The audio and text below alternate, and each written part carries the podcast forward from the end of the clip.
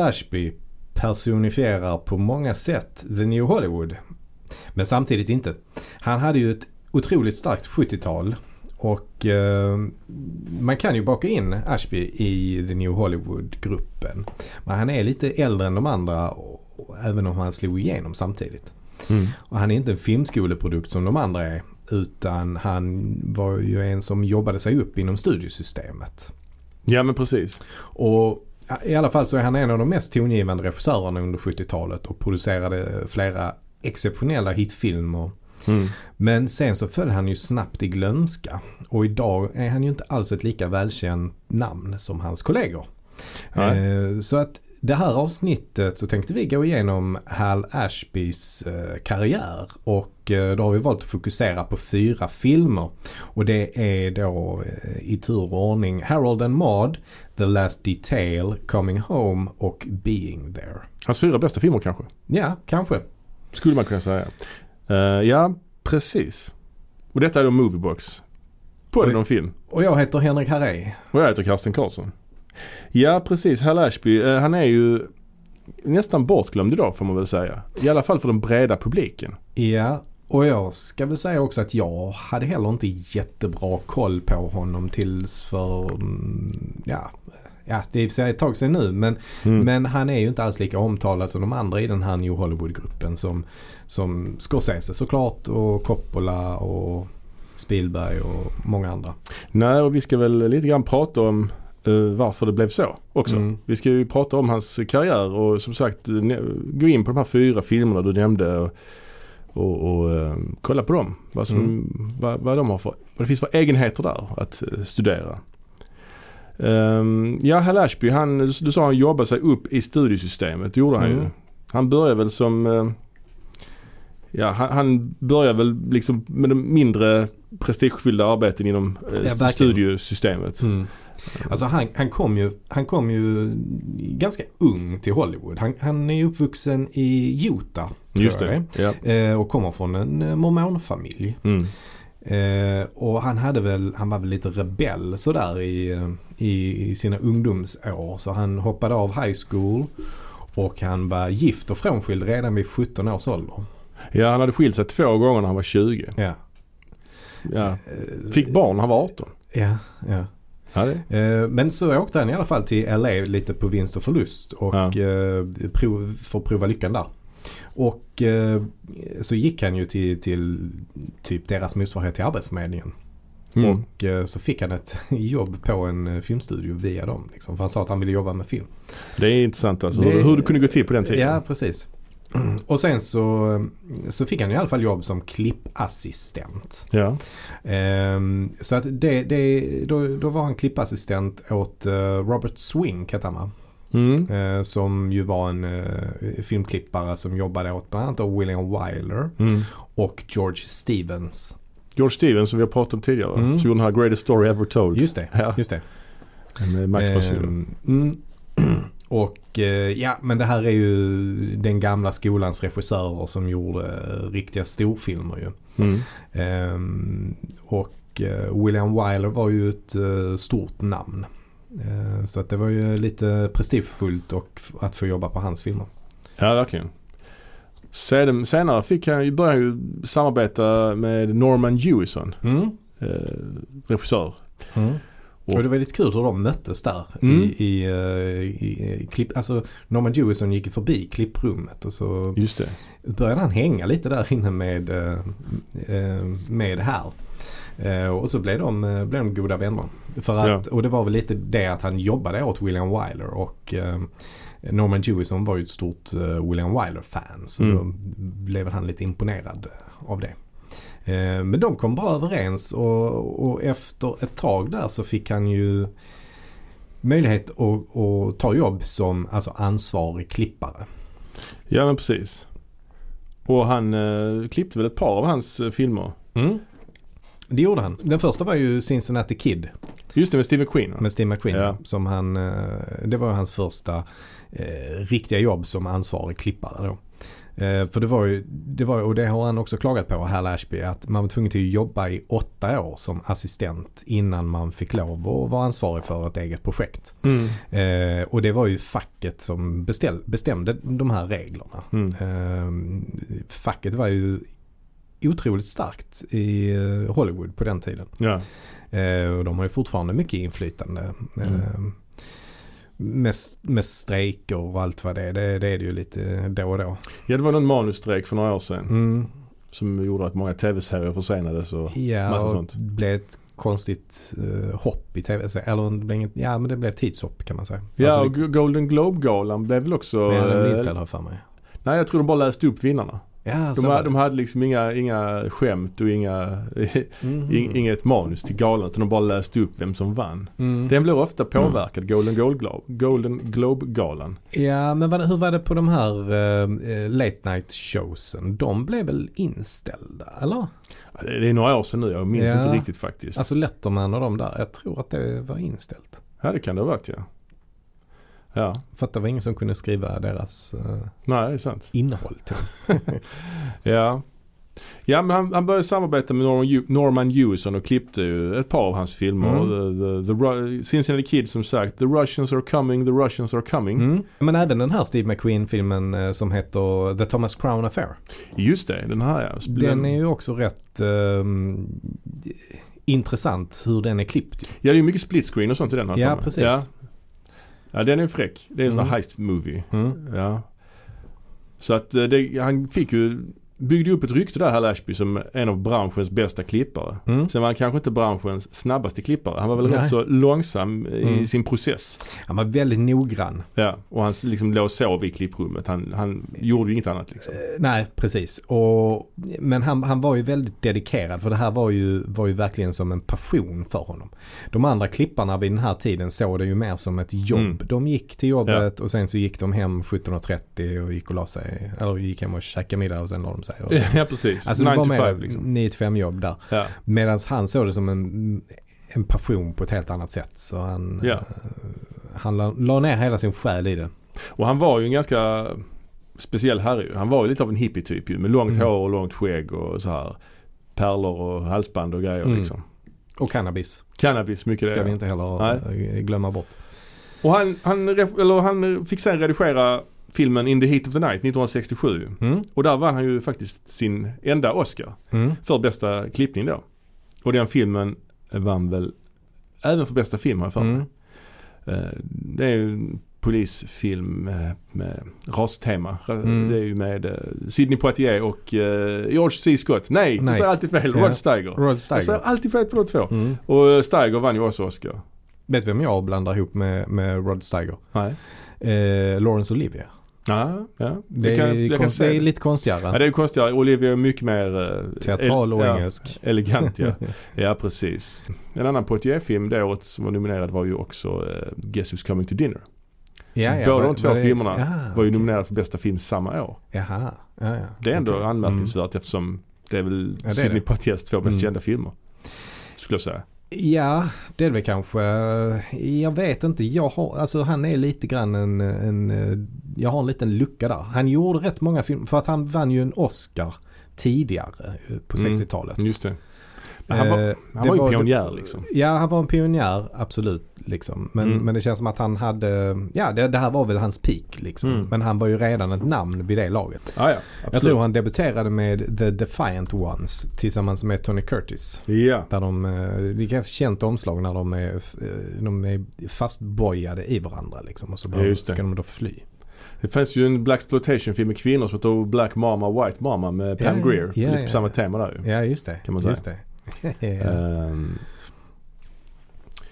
och eh, Norman Hewison i alla fall, hans karriär fortsatte ju. Han gjorde ju fler eh, eh, klassiker. Bland annat eh, filmen Rollerball Mm. på mitten av 70-talet Mm. som jag som ligger mig varmt om hjärtat. Hewison är intressant. Mm, det är han, han har- han varit runt och gjort eh, det mesta känns det som. Jesus Christ Superstar bland annat. Mm.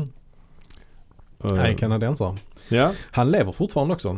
ja i skrivande stund gör han det ju. Måste vara någonstans i närheten av 100 år tror Ja, jag. han är 95 år. 95. 95 år Ja. gammal. Ja. Det är, det är imponerande Ja. måste jag säga. Men han har väl slutat jobba? Ja det har han väl. Mm. Han fick någon heders-Oscar häromåret tror jag. Ja, Ja, ja. några år sedan Mm. nu tror jag. Eh, men Hewison han skulle ju regissera filmen The Landlord. Mm. Men han var tvungen att hoppa av och då gav han ju Ashby Mm. förtroendet att regissera. Mm. Så Hal Ashby begick ju sin regidebut 1970 då med filmen The Landlord eh, Mm. med eh, Bo Bridges i huvudrollen. En film som är ganska Ja, den är ganska, tar ju upp eh, teman som eh, ras, ras och eh, liksom ojämlikheten i det amerikanska samhället. Så den var ändå lite progressiv på det sättet ju. Detta var ju en sån tid naturligtvis men ja, det var, han fick uppmärksamhet för den filmen helt enkelt. Det fick han och eh, han fick många, alltså det var väl ingen film som gick jättebra. Nej. Eh, det blev ingen stor film så. Men det var många som såg den och många som gillade den väldigt mycket. Så han fick ju många supporters Ja efter precis. att ha gjort den filmen. Ja men precis. Och, eh, Och då är vi framme vid 1971. just det. Eh, och filmen Harold and Maude som ju var hans andra film. Den är ju skriven, manuset är skrivet av en som heter Colin Higgins. Mm. Som sedermera också skrev andra manus och regisserade också Mm. lite filmer. I lite annan stil kan man säga. Ja, lite mer eh, ja, Lätt, lättsammare, lättsammare. och ja. mer komiska. ja, han skrev ju manuset till den här Chicago-expressen med Mm. Richard Pryor och Gene Mm. Wilder, den här tågfilmen. Mm. Som jag inte har sett på många år. Nej, inte men eh, den, den minns jag som rätt så spektakulär. Det var Mm. ett tåg som kör rakt in i en vägg, i, inne i eh, Ja, just det. tågcentralen i slutet har jag för Just mig. det. Ja. Men Higgins eh, regisserade ett par komedier på 80-talet också. Tidigt 80-tal. Bland- 9 to 5 är väl mest kända kanske. Mm. Med Dolly Mm. Parton och Mm. Lily Tomlin och Jane Fonda kanske va? Och Burt Reynolds. Nej, det är inte Burt det Reynolds. Nu tänkte jag på Lilla horhuset i Texas. Just det. Bästa horhuset. an, ja, The best little whorehouse in Texas. Ja. Också med Dolly Parton och Burt Reynolds där ja. ja. Svår titel. ja, verkligen. ja, så att han hade ju en, en ganska stabil karriär där på 80-talet. Eh, Mm. Avled dessvärre i aids Ja, i slutet Ja. av 80-talet. Så att, eh, ja ehm, och detta var ju hans första manus som han gjorde ehm, som ett examensprojekt när han gick i, på filmskolan. just det, just det. Och han jobbade ju för att få regissera den här själv.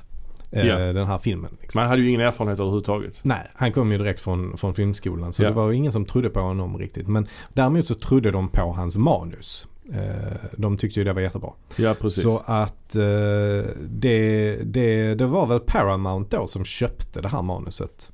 Mm. Ehm, och, eh, och då var det väl att någon rekommenderade Ashby till att göra det tror jag. Ja, precis. Och det var ju baserat mycket på hans arbete med The Landlord året Mm. innan. Mm. Så han tog sig ju an, tog sig ju an filmen helt Mm. enkelt. Och eh, en av de första grejerna han gjorde var ju att han eh, anlitade eller han, han ville ju ha Elton John att göra musiken. Ja, just det. Men han Mm. hade inte tid. Nej. Men han rekommenderade istället Cat Stevens. Ja. Och då eh, det tyckte Hal Ashby lät som en bra idé. Ja, ja. Så han, eh, han var ju också väldigt så här hippie. Långt skägg och långt Ja. hår och så. Oh, ja. ja. Nej men så att Cat Stevens, de här låtarna som är med i filmen Mm. har han väl gjort i original till filmen tror jag. Ja, många av dem. Mm. Ett par av dem är väl från hans album, det här T for Tillerman tror Mm. jag, som är väl hans mest kända album. Det är väl också den låten som är med i eftertexterna till eh, The Office tror jag.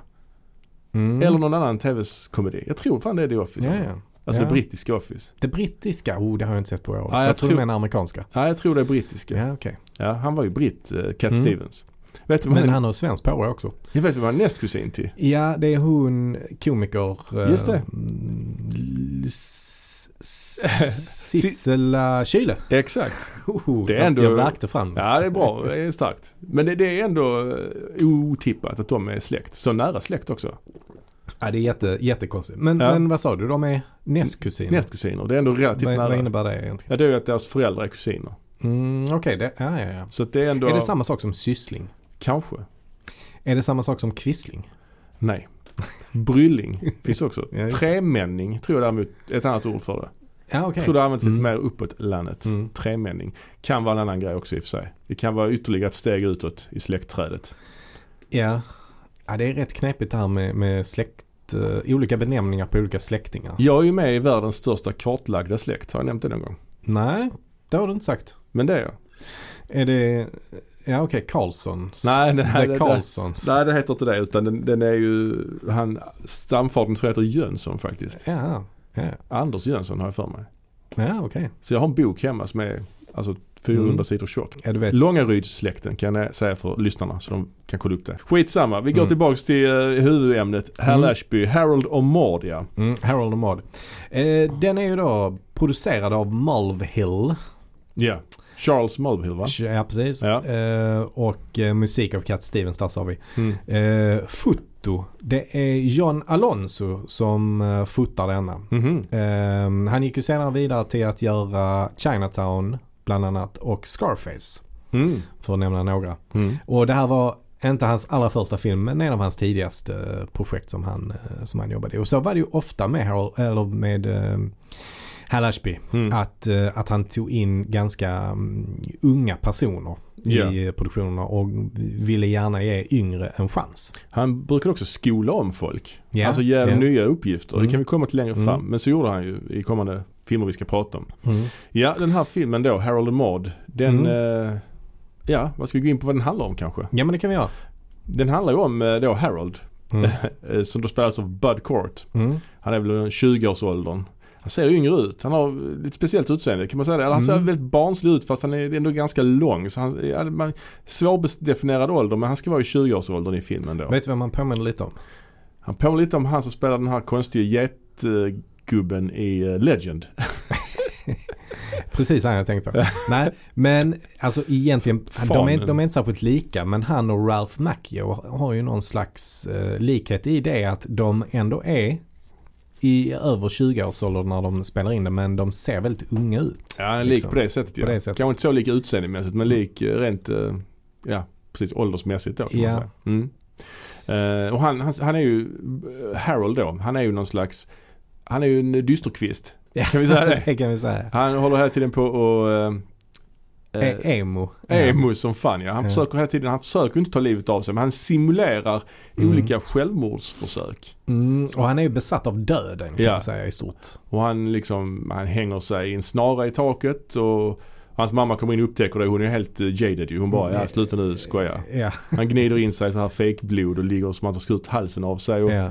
Han hugger av sig en fejkhand och så vidare. ja, och han ligger i poolen. Ja, och flyter som Ja. han har drunknat. Och mamman hon, hon, eh, hon är helt, hon bryr sig. Hon är så här Mm. överklass. Så hon, Mm, hon mm. försöker ju få honom att träffa en kvinna ju. Hon Mm. skriver kontaktannonser och så vidare. Eh, Ja, hon har ju tröttnat på honom. Att han bara Ja. går hemma och dräller och håller på med de här eh, självmords, eh, fejkade självmorden hela tiden. Eh, så att hon tycker att han ska ta tag i sitt liv. Så att hon har ju en del olika tricks då för det. ja. Så hon skickar ju först honom till en psykolog till exempel. ja, just det. Eh, och sen så skickar hon honom även till hans morbror som är någon slags militär. Ja, som har en arm bara. Ja, som gör så här eh, honör med sin eh, Ja, ja. en, en skjortärm. Han drar en snöre så alltså, jackärmen åker upp som Ja, en honör. Det är lite Ja. kul. Eh, och sen så är det ju då det att hon försöker fixa dejter till honom. Mm. Eh, så att han ska träffa en tjej och ja, Ja, hon, få någonting annat att tänka på. Och då, och då är det genom något slags datorprogram som Ja, räknar ut de det här är någon dejterna. tidig Tinder. Ja, precis. Ja. Och medan hon sitter och fyller i det så skjuter han sig själv i huvudet ju med en fejkpistol. Ja. Och hon bara fortsätter. Han siktar ju först på henne som att han vill skjuta henne. Ja. Det är lite kul. För han är Mm. svintrött på henne ju. Mm. Hon har ju sån riktig sån upper class New Mm. England dialekt liksom. Hon låter nästan brittisk ju. Mm. Hon var väl kanske brittisk den skådisen. ja, det var hon. Ja. Um, nej men det, det, det, det är liksom väldigt makaber. Alltså väldigt eh, Mm. Man har lite svårt att, alltså det tar lite, lite tid för en att komma in i vilken, vad är det för ton Mm. som de sätter an. Alltså man, Mm. innan man hittar liksom riktigt hur man ska känna när man ser den. Mm. Den, ska man skratta eller gråta Ja, så visst. att säga. Ja, men absolut. Mm. Så är det. Vivian Pickles hette hon förresten, mamman. Mm. Ska vi säga, skådisen alltså. Ja, men så en dag träffar han då eh, Mrs Pickles. Mrs Pickles ja. Men sen en dag så träffar han då Maud. Maud. Just det. Spelas av Ruth Gordon. Mm. Som då är 79 år gammal. Och är väldigt så här livsbejakande. Kan man kalla henne för det? Ja, det kan man ju säga. Hon liksom... Hon är fri.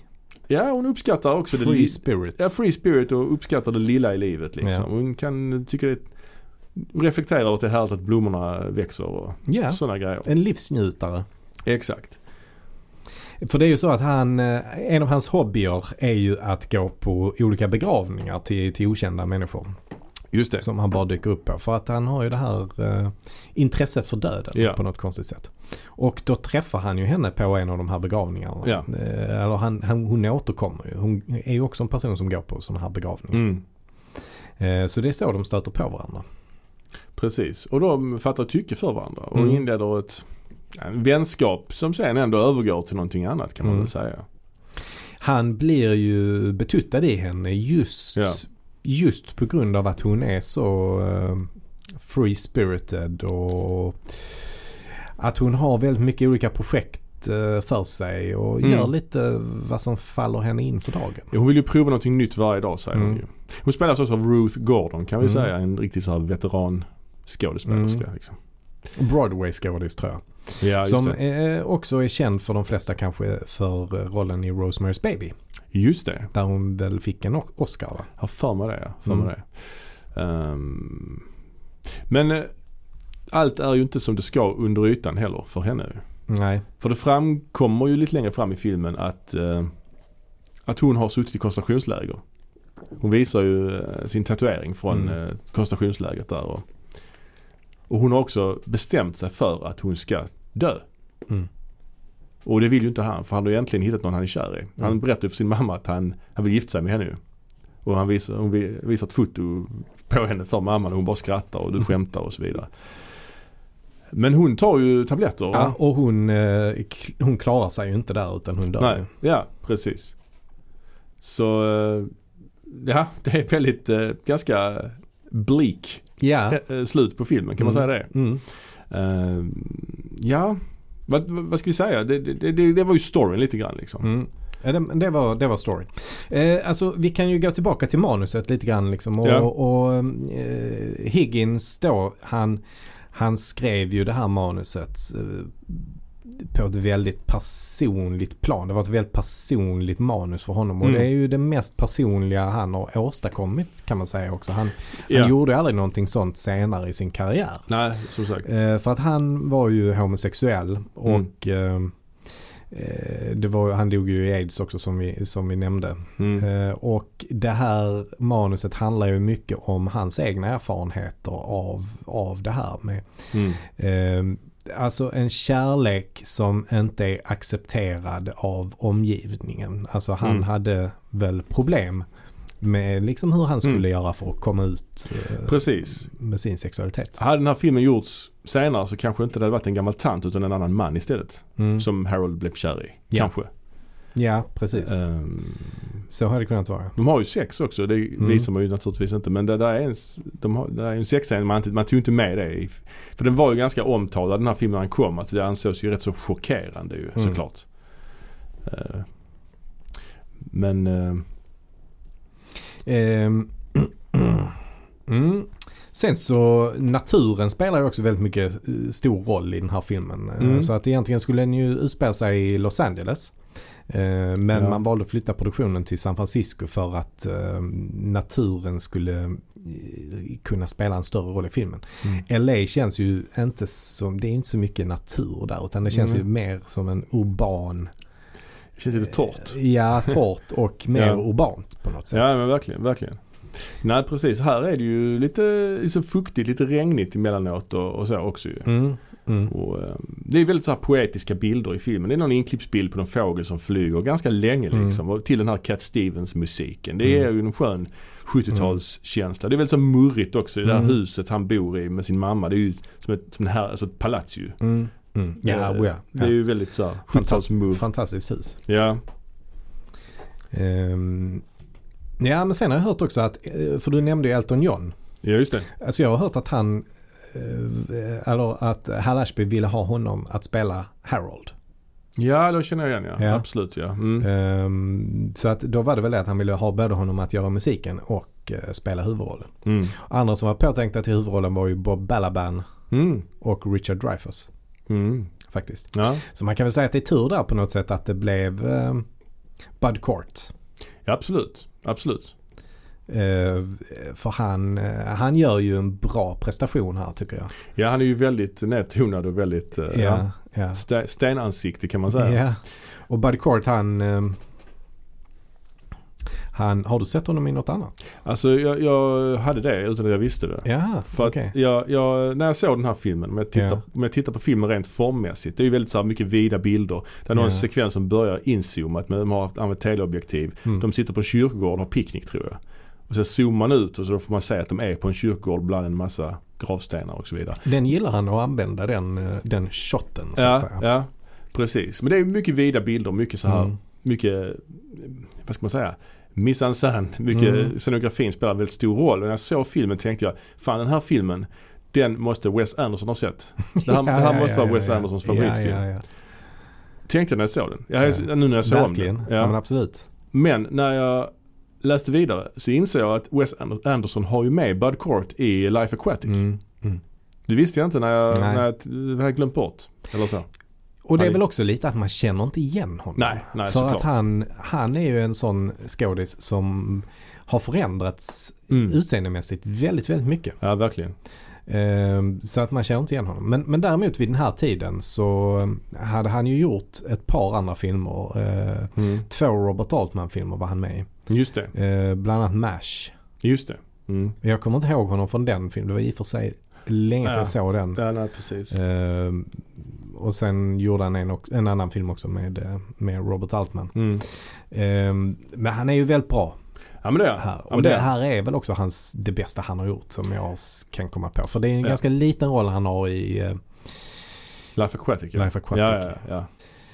Man, de ville ha, fotot är ju väldigt snyggt ju. ja, ja. Eh, Och de ville ha Gordon Willis faktiskt som, Ja. som fotograf. Han som gjorde Gudfadern sen. Mm. Men, eh, men då på den tiden så var det någon slags dispyt med, med eh, de oli- alltså facket i USA då. Ja, okej. mycket, mycket snack om facket på, på 70-talet. liksom. Ja, ja. För att då var det att de som tillhörde östkusten fick inte lov att jobba på västkusten. Ah. Och vice Det versa. låter som det här hiphop-kriget på 90-talet. Ja, ja exakt, exakt så. Ja. Eh, och Gordon Willis var kopplad till östkusten. Mm. Eh, så att han fick inte lov att eh, komma över Mm. dit. Så då blev det att man tog John Alonso istället. Mm. Eh, det är en intressant liten eh, fakta, tycker jag. Ja, verkligen. Eh, men ja, vad tycker du om den här filmen då? Ja, alltså. Den är ju, det är en ganska bisarr ton ju i Mm. filmen. Så man, inte riktigt, man vet inte riktigt vad man ska, hur man ska hantera den i början. Är det här roligt eller är det inte det? Lite Mm. grann sådär. Det är en sekvens där han träffar, för mamman tar ju hem massa tjejer till honom som han ska dejta ju. Mm. Han tänder eld på eh, sig själv tror man då med den dockan. Han tänder eld på så tjejerna blir chockade och sånt. Mm. Ehm, jag vet inte. Han hugger av sin hand någon gång. Jag, jag tycker inte de scenerna är så jävla roliga tyvärr. Alltså jag tycker, Nej. jag tycker inte det är så roligt. Det kanske var rätt så chockerande och eh, mörk humor då. Men nu känns det inte lika eh, liksom edgy längre. Så det här är väl en film som jag gillar på många sätt. Den är ju oerhört sympatisk den här filmen. Ja, Och den är ju väldigt snyggt gjord med de här pre-Wes Anderson-estetiken så att Mm. säga. Men den är jag hade önskat att den var lite roligare kanske. Jag Mm. vill att den ska vara roligare. mm. Ja men jag, jag håller med dig. Jag tycker inte humorn funkar riktigt idag. Den känns Nej. lite daterad, den här Ja. humorn. Eh, men det är ändå en fin liten film på ja, något sätt. verkligen. Livsbejakande. Ja. Och jag tycker framförallt att det är en väldigt stark öppning mm. eh, i filmen. Om vi, om vi säger att den, hela den första akten. Mm. Eh, som ju då börjar direkt med att eh, Harold hänger sig i första scenen. Just det. Och där vet man ju inte, har man inte sett filmen innan så vet man ju inte Nej, nej. liksom att han inte gör det eh, på riktigt utan att det bara är fake. Ja men precis. Så att eh, den, den sätter ju verkligen tonen direkt. Eh, och eh, då till musiken av Cat Stevens. Mm, precis. Och sen så gör han direkt efter det en, en ny, ny sånt här självmord där han ligger i Ja. badkaret nerblodad. Ja. Ehm, och hela det här introt och hela första akten egentligen tycker jag är väldigt bra. Mm. Eh, för det är mycket, mycket bra.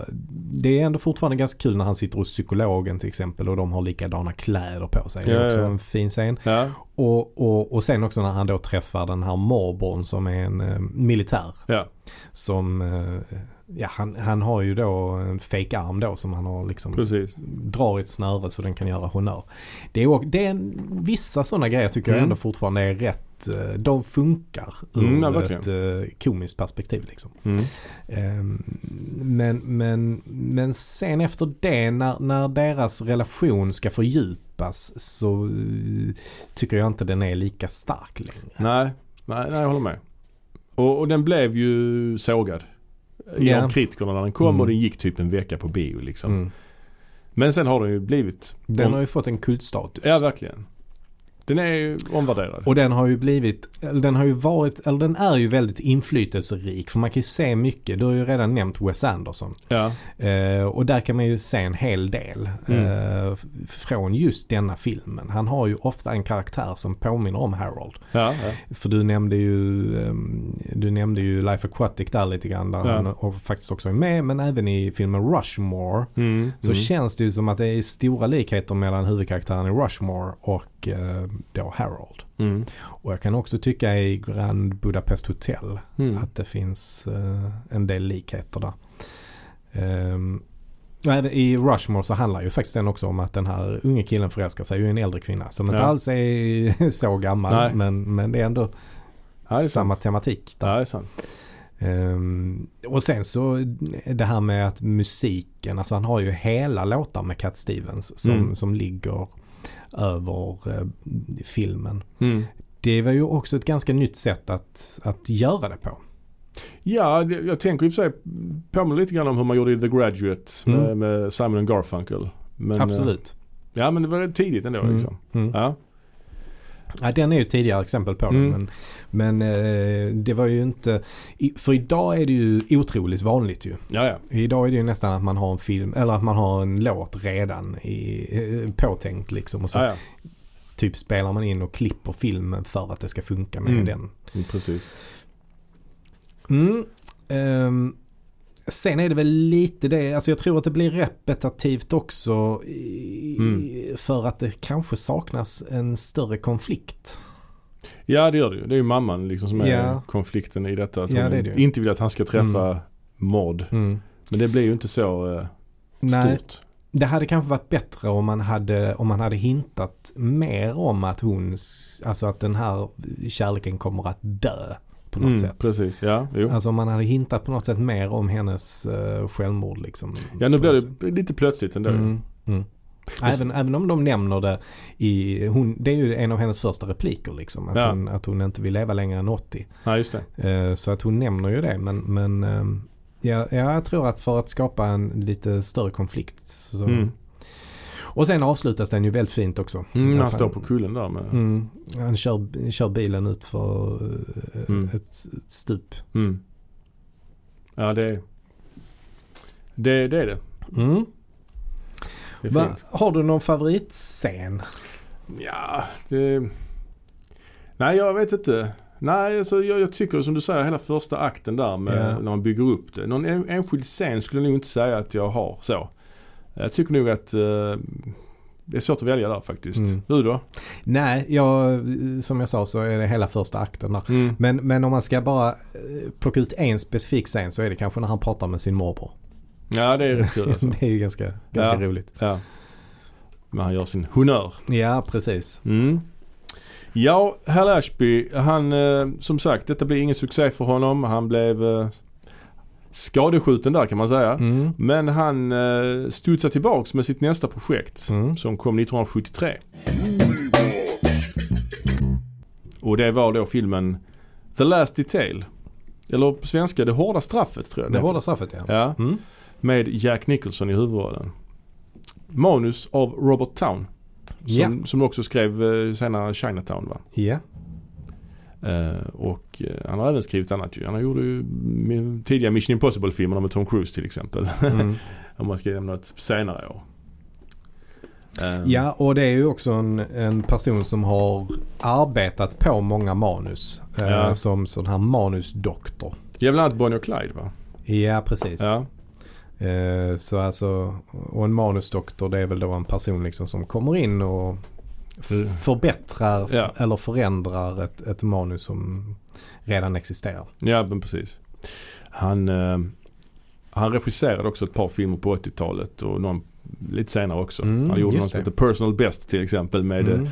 Mariel Hemingway. Någon slags Ja. idrottsfilm. Eh, blev väl ingen riktig större Nej. hit direkt så. Manusförfattare som går över till att regissera. Det, Mm. det finns inte så jättemånga bra exempel där. Nej. Han gjorde Paul- Tequila, Tequila Sunrise gjorde han också faktiskt. Ja, just det. Ja. Mm, Paul Schrader är ju ett annat sånt namn. Ja, just liksom. det, just han har det. ju regisserat en del filmer som ändå Ja. har varit helt okej. men, Ja. men han är ju mest framgångsrik som manusförfattare. ja, verkligen. Sen har han också Kaufman. Senare. Ja. Han har också Ja. gått över till regi. Precis. Ja. Ja. ja, det finns några stycken. Mm. Ehm, men det här manuset var ju fyllt, det är baserat på en bok, men det var ju fyllt med... eh, Ett annat exempel på det har vi ju i Ingmar Bergman. Ja, jo, det är sant. Uh, hets där ja. Eh, men det här, det här manuset var ju fyllt med uh, svordomar. Alltså Mm. jättemycket Ja. fucks. Ja, Och det var ju väldigt eh, kontroversiellt på den här tiden. ja verkligen. Men Robert Town vägrade ju att Mm. eh, censurera sig själv där i detta. De säger alltså, har du räknat? Ja, jag har inte suttit och De räknat. säger fuck 65 gånger. Ja, De säger shit 48 gånger. Och ass mer än 30 gånger. Och god damn mer än 20 gånger. ja. Så att det är ganska mycket. ja, det är det ju. Och på den här tiden var det ju väldigt mycket. Ja. Och på den här tiden så hade man ju precis lämnat den här, eh, det som kallas för the production code. Ja. Som var någon slags självcensursystem som eh, bolagen hade. Mm. Eh, och så hade man ju då gått över till eh, ratingsystemet. Mm. Där, där distributörerna då fick sätta en rating på det. Och det kunde då bli X-rated och det kunde bli liksom att man fick vara 13 år och, eh, eller Mm. att man fick gå med sina föräldrars eh, Precis. sällskap. Så. Eh, så att där var det ju väldigt viktigt att inte få en X-rating. Ja. För då fick ju filmen väldigt limiterad distribution. ja, precis. Filmen handlar ju om två flottister. Mm. Spelas av Jack Nicholson och Eller sjömän som man också kan säga. sjömän kan man säga. Ja. Men de är ju inom flottan. Ja. Ja. De har ju sådana här klassiska Kalle Anka-dräkter på sig. Flottist. ja. Flottarkärlek. Ja. Um, uh, Nicholson spelar i alla fall den ene. Som heter Mm. Billy Bodowski. Kallas för Badass. Mm. Badowski, Badass, ja. Och den här spelas av Otis Young som heter då ehm, Richard Mulhall, kallas Mule. Mm. Och de ska då eskortera en tredje kille som heter Meadows. Meadows. Som spelas av Randy Quaid. Just det. För han har stulit typ 40 dollar ur någon slags välgörenhetskassa. Mm. Och riskerar då ett mångårigt fängelsestraff för detta då. Ja, eller han har faktiskt redan blivit dömd till Ja, det har han, ja. Så är så det. han, han har fått åtta års eh, fängelse Ja. eh, i, i någon slags sånt här arméfängelse eller eh, militärfängelse. Ja. Ehm, och, och det är ju ett otroligt hårt straff ju för att ha eh, snutt 40 dollar. ja, det är det. Men anledningen till det berättar man i, precis i början där. Det är att eh, det är då alltså den som är chef för förläggningen. Det är hans fru som eh, det har varit hennes personliga projekt det här med denna insamlingen då. Ja, ja. Eh, som ska gå till de poliosjuka. Eh, och, och därför så fick han ett jättehårt straff för att hon var så personligt engagerad i det. Därför heter filmen Det hårda straffet på svenska då kanske. Mm. Och eh, ja, vi kan prata väl lite grann om vem som har varit med och gjort filmen. Den är Mm. fotad av Michael Chapman. Mm. Som vi pratade om här förleden när vi, som han också, han fotade ju senare också Taxi Driver ju. Mm. Och ehm, det är ju väldigt mörkt den här filmen. Alltså rent eh, bokstavligt talat. Ja, det är det. Det är mycket naturligt ljus. Ja. De är utomhus ganska mycket ju. Mm. Vandrar omkring i ett vintrigt eh, Mm. eh, nordöstra USA. Mm. New York. Men- de börjar i alla fall i Virginia. Just det. Det är därifrån de åker. Ja, Sen åker de norrut för de ska till Maine. Just det. Och de stannar till i New York i Ja. alla fall. Eh, är de i Boston kanske? Jag vet tror, inte. ja, kanske. Mm, mm. Men i alla fall så. Eh, det, är ju, det är ju Chapmans första eh, uppdrag som huvudfotograf ju. Ja men de är i Boston också ja, precis. Ja det är hans första ja. Ja, så då, han... Hallersby tog ju upp honom där från Mm. att bara vara en alltså kameraoperatör till, Ja. till att bli huvudfotograf. Ja exempel på hur han omskolar folk Ja, sådär. precis. Ger folk en chans liksom. Ja, och, och här var det faktiskt anledningen var samma sak som i Harold och Mod att eh, han ville egentligen ha Haskell Wexler Just som det. fotograf. Eh, men det gick inte för han var knuten till västkusten. Och Ja. den här skulle då spelas in på östkusten. Ja. Så då fick han hitta någon och Gordon Willis kunde inte. Eh, han var upptagen i, i ett annat projekt. Eh, så då fick eh, Michael Chapman eh, kliva in eh, som huvudfotograf och det var ju då på, på rekommendation av Gordon Willis. För Mm. eh, Chapman hade jobbat som assistent till Gordon Willis. Ja, Willis jobbar också med väldigt lite ljus ju. Han kallas för The Prince of Darkness typ. Just Och det. Där är Mm. ju många inomhusscener i den här filmen som är väldigt mörka rent ljusmässigt. Då. Mm. Eh, det är väldigt osminkad eh, film kan man säga. Ja, det är det. Det är, inte så att det, det är inte så att det är dokumentär stil på något sätt. Men det, är- det är liksom väldigt så här, Det känns väl lite franska nya vågen, riktiga miljöer och, och Mm. de är ute mycket och går omkring Mm. och snackar liksom. Man, man Mm. hänger med de här karaktärerna. Det är liksom en Ja. hangout-film. Även om de är på väg någonstans. De ska lämna den här Och road fången. movie. Ja, road movie precis. Och, och de ska lämna den här fången. Men samtidigt är det också liksom, i och med att de inte är poliser utan de är så här sjömän, flottister.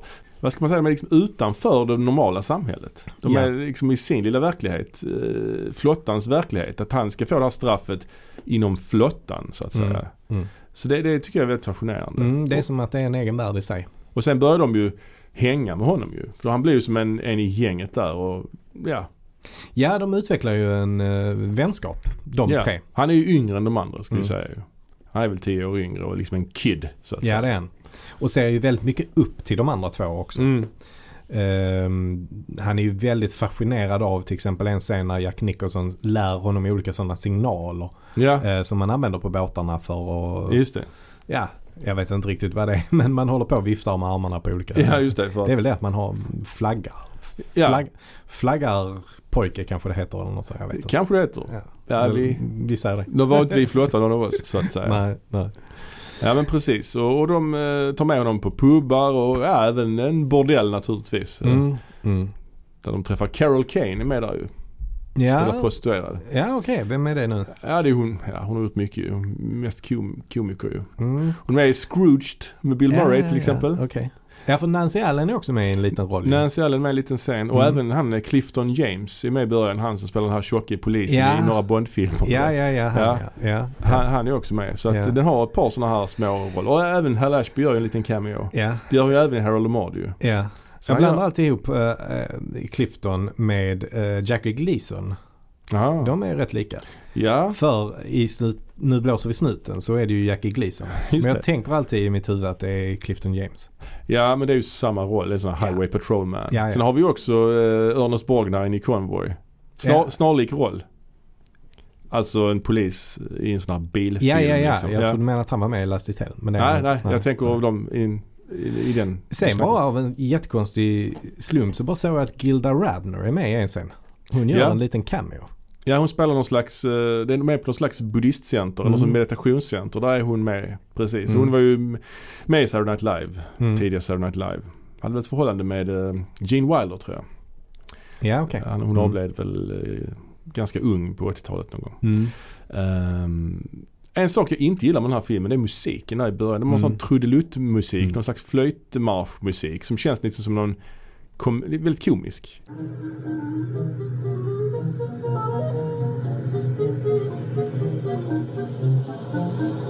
Eh, Ja, passar, inte, passar inte alls in. Nej, det är, det är väl den här filmens stora problem tycker jag. Ja. Men Faktiskt. som tur är så försvinner den musiken eh, ändå. Men det känns som den kommer och går lite under hela filmen. Ja, mest i början är den ju framträdande. Sen kanske det, ja, Ja. det kommer och går lite Mm. gör den. Och det är lite synd. Ja, det är det faktiskt. Eh, nej, den, den, den passar inte alls. Det är konstigt att han gör det valet att lägga Mm. in den musiken faktiskt. När han, alltså för att musik är ju något som är väldigt framträdande i alla hans filmer ju. Mm, verkligen. Och det är då konstigt att, för den här sticker ut väldigt mycket med musiken. Så det Ja, är det konstigt gör. att han gör det valet eh, till den här filmen tycker jag. Precis. Ehm, En annan scen som sticker ut är ju, där är en dialogscen mellan de här två uh, Mule och Badass på ett tåg. mm. De kom- kommer lite i konflikt hur de ska hantera situationen med den här fången så att säga. Och i dialogen så väljer de att göra dissolves istället för att klippa rakt. Så vi har så här övergångar. Ja, Det, ju, använder man ju ofta för att visa att tid går eller så liksom. Det känns väldigt konstigt där. Men, Ja, fast jag tycker inte det känns så konstigt. Jag gillar det faktiskt. Ja, jag gillar det också kanske men det är ändå konstigt. Det är oortodoxt i alla Ja det är ovanligt det är det. Ja. Absolut. Men det är väl också ett, alltså han var ju som sagt inspirerad av nya vågen. Oh, ja. ja, precis. Och eh, jag tror att i, i, den, i en tidig version av den här filmen så var det en massa jump cuts och sånt också Mm. i den. Eh, som, eh, som jag tror att eh, de senare valde att inte använda. Men Mm. eh, Ja, de gillar, bolaget gillar ju inte det. Han Nej. kommer ju ofta i konflikt med studiocheferna Hal Ashby. ja, i alla fall från och med den här filmen. Ja, Jag vet inte hur det var tidigare men, men ja i och med precis. den här filmen så känns det som att han alltid har haft bråk med Mm. eh, studiocheferna och distributörerna. Han fick ju det här jobbet i princip tack vare Jack Nicholson väl, som, som stödde honom. Som ville ha honom som regissör. Så var det Ja. Eh, Jack Nicholson var ju knuten till projektet redan. Och Jack Nicholson var ju en... ehm, han var ju i början av sin karriär ju. Han hade ju slått igenom och blivit ett namn med Easy Rider. Precis. Eh, och sen efter det hade han gjort eh, ett par filmer. Men, men Ja, detta var Five ju Easy Pieces bland annat. Five Easy Pieces och Carnal Knowledge. Ja. Ehm, så att han hade ju etablerat sig som en leading man. Mm, Men detta är ju ändå en av hans tidigare eh, ja. hu- huvudroller. Och här ser man ju ändå liksom hur han hittar en ny stil i sitt skådespeleri. Alltså Mm. detta är ju en liten försmak av vad som komma skulle i Gökboet. Ja, absolut ja. Alltså det här lite eh, wild man, lite Mm. crazy. Han får så här vansinnesutbrott. Mm. Bland annat på någon pub när de vägrar servera Mm. hans kompis. Ja. I am the motherfucking harbor patrol motherfucker. Något sånt. Det, det, det, det är riktigt bra. Och Ja. för övrigt, eh, ja, han, eh, Ashby var väl lite knuten till Gökboet där ett tag också. Eller han hade den Mm. på gång ett tag men han, han fick inte den. ja, det stämmer ja. Så de, han, han blev nobbad där. Mm. Hade han gjort den hade han ju varit ihågkommen utan tvekan ju. Ja, ja absolut. Ja. ja. Nej, det blev Milos Forman där Ja, istället. och även Hair också, den här musikalen. Var Mm. han också knuten till. Men då blev det också Milos Forman ja, ja. istället. Jaha, okej. Så det är lite intressant. Men i alla fall, eh, filmklipparen här det är ju Robert C. Jones. Ja, Eh, som ju kom att bli en väldigt nära eh, eh, Samarbetspartner. samma- samarbetspartner till ja han, skol, han skolades ju också om till manusförfattare så vi Mm. kommer in på det lite längre Mm. fram. Jag noterade faktiskt att han avled för några veckor sedan bara. Ja, ja. Eh, Men han var, han var ju till Trå- åldern kommen. Tråkigt, ja. Ja. Eh, han, det är ju intressant också att eh, han kommer ju från en riktig filmklipparfamilj. Bob Jones. Ja. Mhm. Både hans eh, far, eh, alltså hans, hans pappa Harmon Jones Mm. har klippt ett 20-tal filmer eh, för 20th Century Fox på 40-talet. Ja. Och eh, sen har hans dotter Leslie även eh, blivit filmklippare. Jaha. Som bland annat har klippt flera av Paul Thomas Andersons filmer. Ja. Det är ju inte Så fy skam. det, nej, verkligen inte. Så att, eh, så att det är intressant. Ja. It runs in the family. Ja, det det. Eh, han ville i alla fall först inte klippa filmen. Nej. för, för han var ju lite rival också till, eh, till eh, Ashby när Ashby var en filmklippare. Så, så han var lite sur på Ashby för att han tyckte att Ashby hade snott The Russians are coming, The Russians are coming från honom. Han tyckte att Ja. han skulle klippa den. Just det. Eh, och sen hade han också hört mycket om hur Ashby jobbade. För Ashby hade ju ett, ett hus, eh, jag vet inte om det var i Malibu eller om det var där Ja. på, eh, vad heter Can, Laurel Canyon, heter det så? Ja, någonstans. Ja. ja. Eh, och han hade hört att han, han jobbade hemma if, ifrån sitt hus och Mm. satt där och klippte. Och han hörde också att eh, folk bara eh, hängde där och jobbade dygnet runt. Liksom. Och han tyckte inte det kändes professionellt. Liksom. Nej, nej, nej. Eh, och dessutom så Ashby ville inte heller att, att Bob Jones skulle klippa den för att eh, Bob Jones hade rykte om sig att vara en otroligt snabb klippare och en snabb klippare är en dålig klippare. Ja, exakt. Eh, Ja. Alla Ashby. han vill ju ta tid på sig. Ja, ja, Han gillar att sitta där och röka lite och kolla Mm. in, kolla och ta sin tid liksom. ja. Eh, men Sen- när Bob Jones då väl fick se eh, eh, materialet så ändrade han sig för då tyckte han att det var väldigt bra och ville gärna göra det. Mm. Och sen efter det så blev de ju väldigt goda vänner. Ja, verkligen. Ja men i alla fall eh, rent eh, det som händer i handlingen sen är ju då att eh, de är ju, vi får följa med dem när de gör ett, för de bestämmer sig ju då att den här unge killen ska få lite upplevelser innan han eh, hamnar i fängelse så länge. För han kommer ju förlora hela sin, sin ungdom. Liksom. Ja men precis. Eh, Så det är ändå lite feel good över det Ja det är det, sätt. verkligen. Ja. Så att då, då gör de ett, uh, stannar på lite olika anhalter. Bland annat går de då på den här puben där Mm. de försöker få honom. Men det lyckas de ju inte få någon öl till honom där. Eh, så då går de och köper öl och så står de ute i kylan istället och, och dricker Ja, det. det är det som är så roligt att det är så jävla deppiga miljöer. Kallt och snöigt och så Ja. ska de ha någon att show you a good time. Och så är det, hade det varit i Kalifornien på stranden och sånt så hade det varit mycket Ja, ja, Då hade det ja. inte blivit samma film ju. Nu, nu är ju det liksom, det, det gör ju något helt annat med filmen. Att det är sådana här kalla jävla karga miljöer. Ja. Mörkt liksom. Ja. Ingen sol i hela filmen. Nej, ja, det är, ja, fan, jag gillar det jättemycket. Alltså. Ja. Det, är, ja, det är nästan som man ser hur, hur kallt det är på deras andedräkt. Ja, ja, verkligen, Eh, verkligen. Och sen så tar de då in på ett sånt riktigt skabbigt hotell. De Ja. sover tre personer i, i, i ett rum och det är knappt att de får plats med sängarna där liksom. Och, Ja men precis. Sen är det också någon scen där i, mer mot slutet där de ska eh, ha en picknick och så ska Ja. de grilla korv. Men då har Jack Nicholson glömt att köpa korvbröd. Forgot the buns. Och så blir det så mycket diskussion kring det här med Ja. att de har glömt det. Och i den scenen försöker ju sen Randy Quaid's karaktär fly. Ja. Han går ju en bit bort och sen så gör de här signalerna han har gjort. Han har, Mm. han har lärt sig av Jack Nicholson. Mm. Han säger bye bye eller något sånt. Så Mm. springer han. Men då jagar de ju ikapp honom. Mm. Och, Och så får, och så då, då liksom slår de ju honom rätt ordentligt där. Ja, det gör de. Så det är ju faktiskt en ganska stark scen. Mm, Där så det- handkamera, väldigt så här Ja. kaosigt. Mm. Mm, det är sant. Ehm, ja, nej men det är ju en sån misshandelsscen där som kommer lite grann från ingenstans. Ja, det gör det. Ehm, som blir väldigt stark just på grund av det. Att de har, alltså deras, i och med att deras förhållande har blivit på något sätt varmare under hela resans gång och de har Mm. kommit närmare varandra. Precis. Tills detta händer. Ja. Alltså man har väl någon slags förhoppning om att de ska bli polare Mm. och att de, inte, att de ska släppa honom. Att de inte ska ta honom till fängelset. Att det ska sluta lyckligt. Men Mm. så händer detta istället. Mm. Att de fångar honom när han ska försöka fly och slår honom rätt rejält. Och sen lämnar de honom i fängelset. Och sen är det bra med det. Sen Mm. bara går de därifrån och sen bara slutar filmen. Så den slutar ju ganska uppgivet. Mm. Ehm, För att uh, där, är, där är ju också någon scen där när de är på en av eh, de är på en fest. För de- de är på det här buddhistcentret och sen Mm. så träffar de några av de som var där och så följer de med dem på en fest och det är bland annat där vi får träffa Nancy Allen då. Eh, på Mm. den festen och då, då i alla fall så pratar då Meadows med en kvinna som frågar men varför, han berättar sin situation och så, och så frågar hon men varför eh, försöker du inte bara sticka då?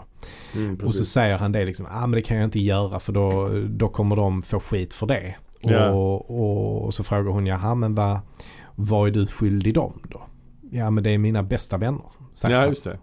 Så att det, ja, det, det är väldigt fint. På något Ja, sätt. ja, men han känns ju lite tappad, Randy Ja, Quaids karaktär så att säga. Det gör han. Ehm, Mm. Ja men så är det ju, absolut. Men summa summarum när det gäller den här filmen så, ja, jag gillar den verkligen. Alltså Mm. jag gillar verkligen, som vi har varit inne på, den här känslan av att man hänger med de här karaktärerna på Mm. deras ganska långsamma resa. Det är också så väldigt gött. En annan grej som jag kom på nu här som gör att, den stig, du sa att det var en road movie. Mm. Det som gör att det inte känns riktigt som en road movie Mm. är att de inte har någon bil ju. De åker ju tåg och Mm. sånt. De åker Mm. liksom kollektivtrafik. Ja. Så det går jävligt långsamt. De käkar så i restaurangvagnen på tåget. Plus det är så jävligt dåligt väder och kallt och jävligt hela tiden. Så det sticker ju ut liksom. Den, den är lite unik på det sättet. Ja, ja, ja, ja verkligen. Verkligen. Eh, man hänger med de här karaktärerna. Ja. Jag gillar Ja. verkligen, verkligen den här Ja. filmen alltså.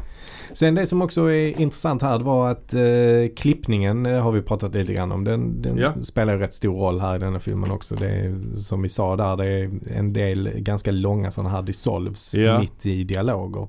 Som är lite speciella. Och sen så tycker jag också att det är bra att man känner ju verkligen starkt för Meadows. Mm. Just det här att, alltså, ja men man tycker om honom. Alltså man på något sätt vill ta hand om honom för han är så han är så naiv och, och, och ung. Men ändå väldigt snäll och Ja. lojal mot, mot de här två som han ser som sina bästa vänner.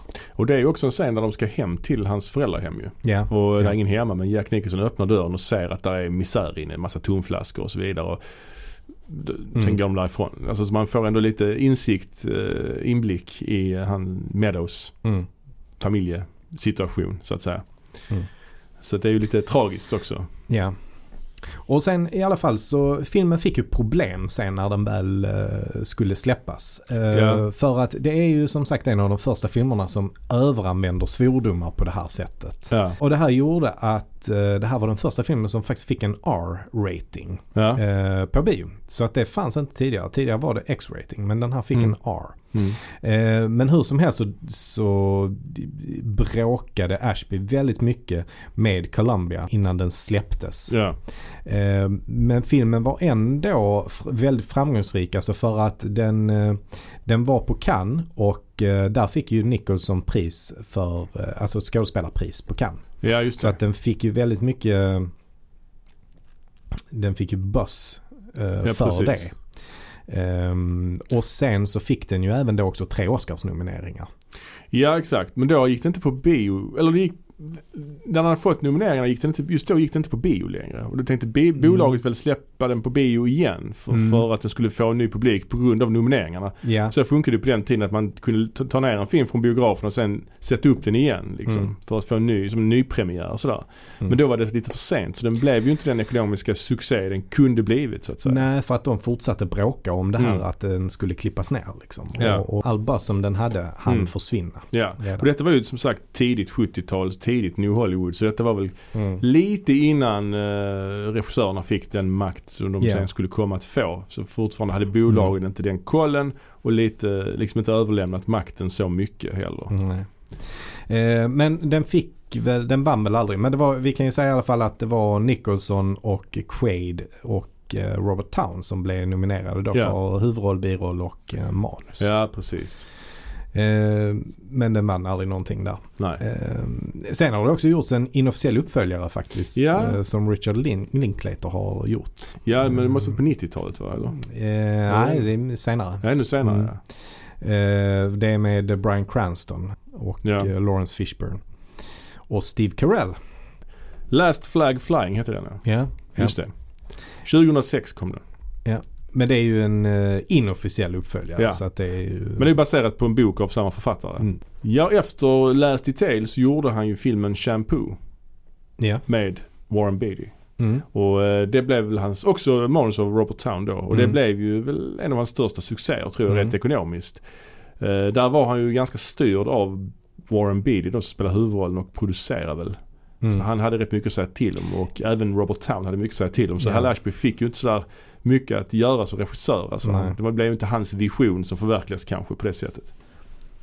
Nej, precis. att, eh, precis. Och sen gjorde han ju också eh, filmen Bound for Glory. Mm. Och den handlar ju då om eh, Woody Guthrie's liv. Ja.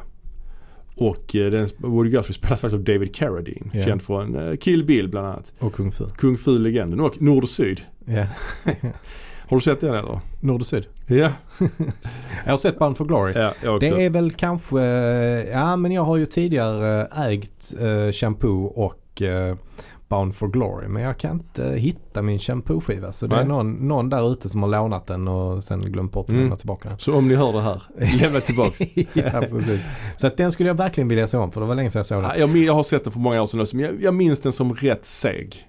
Om man säger så. Ja, eh, men jag skulle vilja se om den för att göra en ny bedömning av den. Ja. Men, men det är lite så, lite så jag minns den. Jag tror jag hade andra förväntningar på den filmen. Snyggt foto naturligtvis. Ja. Ja, precis. Påminner rätt mycket om estetiken i, eh, ja vad ska vi ta? Ja, Heaven's Gate eh, Mm. lite grann. Mm. Och även, tänk på Bo Widerbergs Joe Hill. Ja, Den är väldigt ja. lik den. Eller de påminner rätt mycket om vad de två filmerna Mm, kan man säga. mm. Ehm, Det är ju första gången eh, Steadicam används. just det. Just det. Så det, är ju, det är ju intressant. Ja. Men det tänkte vi heller inte prata om. Nej. De två filmer han gjorde i mitten av 70-talet har vi hoppat över och vi hoppar istället till de två filmerna han gjorde i slutet av 70-talet och då börjar vi med Coming Home från 1978 då.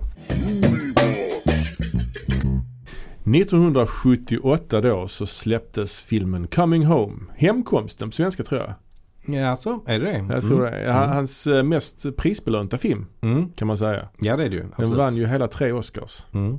Så att, eh, och där hade man ju då, eh, skolat om gamle Robert C. Jones till manusförfattare. Mm. Så han, fick, han skrev ju manuset till den här filmen och eh, vann ju en Oscar för bästa manus då.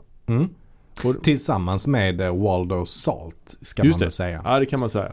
Ehm, för att om man börjar från första början då så var det ju faktiskt Jane Fonda som är Mm. upphovskvinna till, till den här filmen. Ja Eh, för det började ju då med att hon träffade Ron Kovic. precis, gamla Vietnam-veteranen. Ja, och han känner vi ju då från eh, filmen för den 4 juli eh, av eh, Oliver Stone. Ja det är han som Tom Cruise spelar i den Mm. filmen. Rullstolsbunden efter krigsskada. Och då var det så att Jane Fonda och Ron Kovic, de, eh, för hon var ju en sån antikrigs, eh, en stark röst för, för det. Ja, ja. Och då var de eh, på någon sammankomst av något slag där de båda två talade och då lärde de känna varandra. Och, och hon blev inspirerad av honom och ville göra en film om Vietnam ur veteranernas vinkel. ja. Ehm, så då eh, tog hon fram ett manus då Mm. ehm, om detta. Precis. Och sen så hamnade det då i eh, producenten eh, Jerome Hellmans eh, händer. Till slut. Det var ju tog ju lång tid innan, innan den här filmen kom till skott liksom. Mm. Och Jerome Hellman han hade ju jobbat med Waldo Salt tidigare så det var han som då eh, tog in Waldo Salt att skriva om manuset. Mm. Eh, för de jobbade tillsammans då på Midnight Cowboy. Ja. Som ju John Schlesinger regisserade. Ja. Så han var ju knuten till det här projektet i början. ja. Och John Voight är huvudroll där också ju. Ja, precis. Ja. Eh, så det här var ju ett eh, team då som hade jobbat ihop tidigare. Ja. Men eh, John Schlesinger han eh, tackade nej till, till detta. Han trodde inte det, att det var rätt projekt för honom. Mm. Eh, och då kom ju då istället eh, Hal Ashby in. Ja. Det är intressant eh, det här att Hal Ashby kommer ofta in som en... Andrahandsval. ja, i Ja. The Last Detail är han ju inte det. Nej. Men, men, men eh, ofta så, så är han ett andrahandsval. Ja. Ehm, och då i alla fall så bearbetade um, Hal Ashby och Bob Jones eh, om manuset. Ja. Och eh, ja, huvudrollen spelas ju av eh, Jane Fonda och John Voight. Mm. Och båda två fick ju Oscar för bästa kvinnliga Ja. och manliga huvudroll. Så det är ju ganska ovanligt Mm. faktiskt. Eh, så det är ju en väldigt prisbelönt film det här. Mm. Eh, och eh, den, ska vi säga, den handlar ju om helt enkelt, eh, det, det är ju ett triangeldrama på något sätt kan man ju säga. Mm. Eh, Det handlar ju om, Jane Fonda är ju då gift med Bruce Dern i filmen och han ska iväg till Vietnam. Eh, Och eh, på, medan han är borta så tar ju Jane, hon är så här hemmafru, bor på militärbasen. Men hon beslutar sig för att liksom ta tag i sitt liv och finna sig själv och då börjar hon jobba på ett sånt där militärsjukhus för Vietnamveteraner och där träffar hon ju då John Voight Mm. som då är, sitter i rullstol efter, efter kriget. Och eh, ja, de inleder ju sedermera ett förhållande då. Ja. Så det är ju det, är ju det vad filmen handlar om egentligen. Ja. Och det var ju det som eh, Bob Jones eh, la in i eh, filmen. Den, att det skulle centreras kring en kärlekshistoria. Ja, just det. Den nominerades faktiskt till åtta Oscars. Ja. Det är eh, starkt. Ja, verkligen. Ashby blev nominerad här va, tror jag. Mm. Ja. Ehm, och den är liksom, och här är den här är fotad av Haskell Wexler va? Ja det är det. Ja. Ja. Och det är ju ganska, liksom ett ganska platt foto i den här filmen om du förstår vad jag menar. Det är liksom ganska vida bilder, inga konstigheter. Mm. Inga, inte så mycket kort skärpljud på så utan mycket så här pang på bara. Mm. Och ganska naturalistiskt skådespeleri som ger lite nästan en dokumentärkänsla emellanåt faktiskt. Det Mm. inleds ju med en biljardscen där John Voight spelar biljard med några andra Vietnamveteraner. Mm. Allihopa sitter i rullstol nästan. John Voight ligger ju på mage på någon brits Mm. och snackar. Ja, där är väl något sånt att han inte orkar sitta i rullstol så han ligger bara. Tycker Ja. det är skönare att bara ligga på den jävla brits. Ja, exakt. Och, Och det är väldigt så här improviserad dialog där ju. Ja, Och, och ja. det känns verkligen improviserat. Det känns nat- naturligt, verkligt liksom. mycket av filmen är ju det, Ja. improviserat. Ja, de hade väl, ja precis, manuset var väl, ja precis, det gav möjligheter för improvisation. Mm. Det är ju bland annat en, om vi hoppar lite nu i slutet av filmen är det en monolog, monolog Mm. som John Voight håller som är väldigt improviserad. Som nästan bara är improviserad. Mm. Eh, som många säger och antagligen vann honom Oscarn. Mm. Och där har ju Hal Ashby klippt rätt rejält i det. Mm. För att få det att funka liksom. Så att, eh, ja. Vad ska man säga om den här Eh. filmen egentligen? Det är ju väldigt snabbsummerad story egentligen ju. Ja, storyn. Ja, precis. det Det- är det ju. ja. Alltså, det är ju. Sally heter ju då Jane Fondas karaktär. Hon, Ja. hon kommer ju då från en eh, lite finare, mer privilegierad bakgrund kan man säga. Ehm, och, och det är ju ganska kul där i början när hon ska börja jobba på det här rehab- rehabiliteringshemmet. För hon har ju ingen erfarenhet av det. Nej, och har ju aldrig jobbat. Och, och de är ju ganska, vad ska man säga, traditionella eller konservativa. Alltså Jane Fonda och hennes man då. Mm, verkligen. Eh, för han vill ju inte att hon ska jobba och sådana där saker liksom. Nej, nej. Nej, han är väldigt så konservativ. Mm, mm. Ehm, men det är ju intressant där när hon då försöker dra i sina sociala kontakter med de andra fruarna då. Att de ska Ja. eh, hjälpa till där. Men de vill ju inte beblanda sig med veteranerna. Nej. Eh, så. Och, eh, men sen är det ju intressant om man får se hur både Sally och Luke, Luke är ju då John Voights karaktär, hur de tillsammans förändras och, Mm. och växer till att bli nya människor liksom. Än vad de var i början. Ja, för han är ju ganska, vad ska man säga, wild and crazy i början ju. Han är ju bitter. Ja, så in i helvete. Och vill ju knappt leva. Ja, men precis. Ehm, Men när han träffar Sally så får han ju tillbaka livsglädjen. Mm. Och sätter sig i rullstolen och börjar ändå leva ett normalt liv. Han checkar ut från re- rehabiliteringshemmet och Ja. eh, skaffar en bil tror jag. Mm. Och till slut så uppstår ju sakta men säkert kärlek också. Eh, Mm. Mellan dem. Eh, som jag tycker känns både fint och realistiskt Mm. skildrat. Ja, men det gör det. Mm. Absolut. Och, eh, Och sen den stora konflikten består ju då i att de hela tiden vet att eh, Bruce Stern ska komma hem igen från kriget. precis. Eh, vilket han också gör. Ja, och det är ju en hemsk scen på något sätt där när han kommer hem och han direkt börjar klaga på henne att hon har ändrat sin frisyr och Ja. han blir förbannad för att hon jobbar och Mm. sen när, Mm. kommer de hem till huset så har hon gjort så här välkommen hem som banderoll och ska Mm. bjuda på middag Mm. men så drar han iväg direkt sett med sina officerspolare. Ja, ja. Och så drar han tillbaka dem också. Ja, Eh, och så har de någon slags efterfest. ja och är och det- skitfulla. Ja, och det är grisigt. Ja alltså. det är riktigt deppigt Ja. alltså. Och sen framkommer det att han är ju eh, mentalt eh, skadad så att säga efter Mm. kriget ju. Mm. Han har med sig många hemska minnen därifrån Ja. och liksom Och han, han kommer ju hem för att han har råkat skjuta sig själv i benet.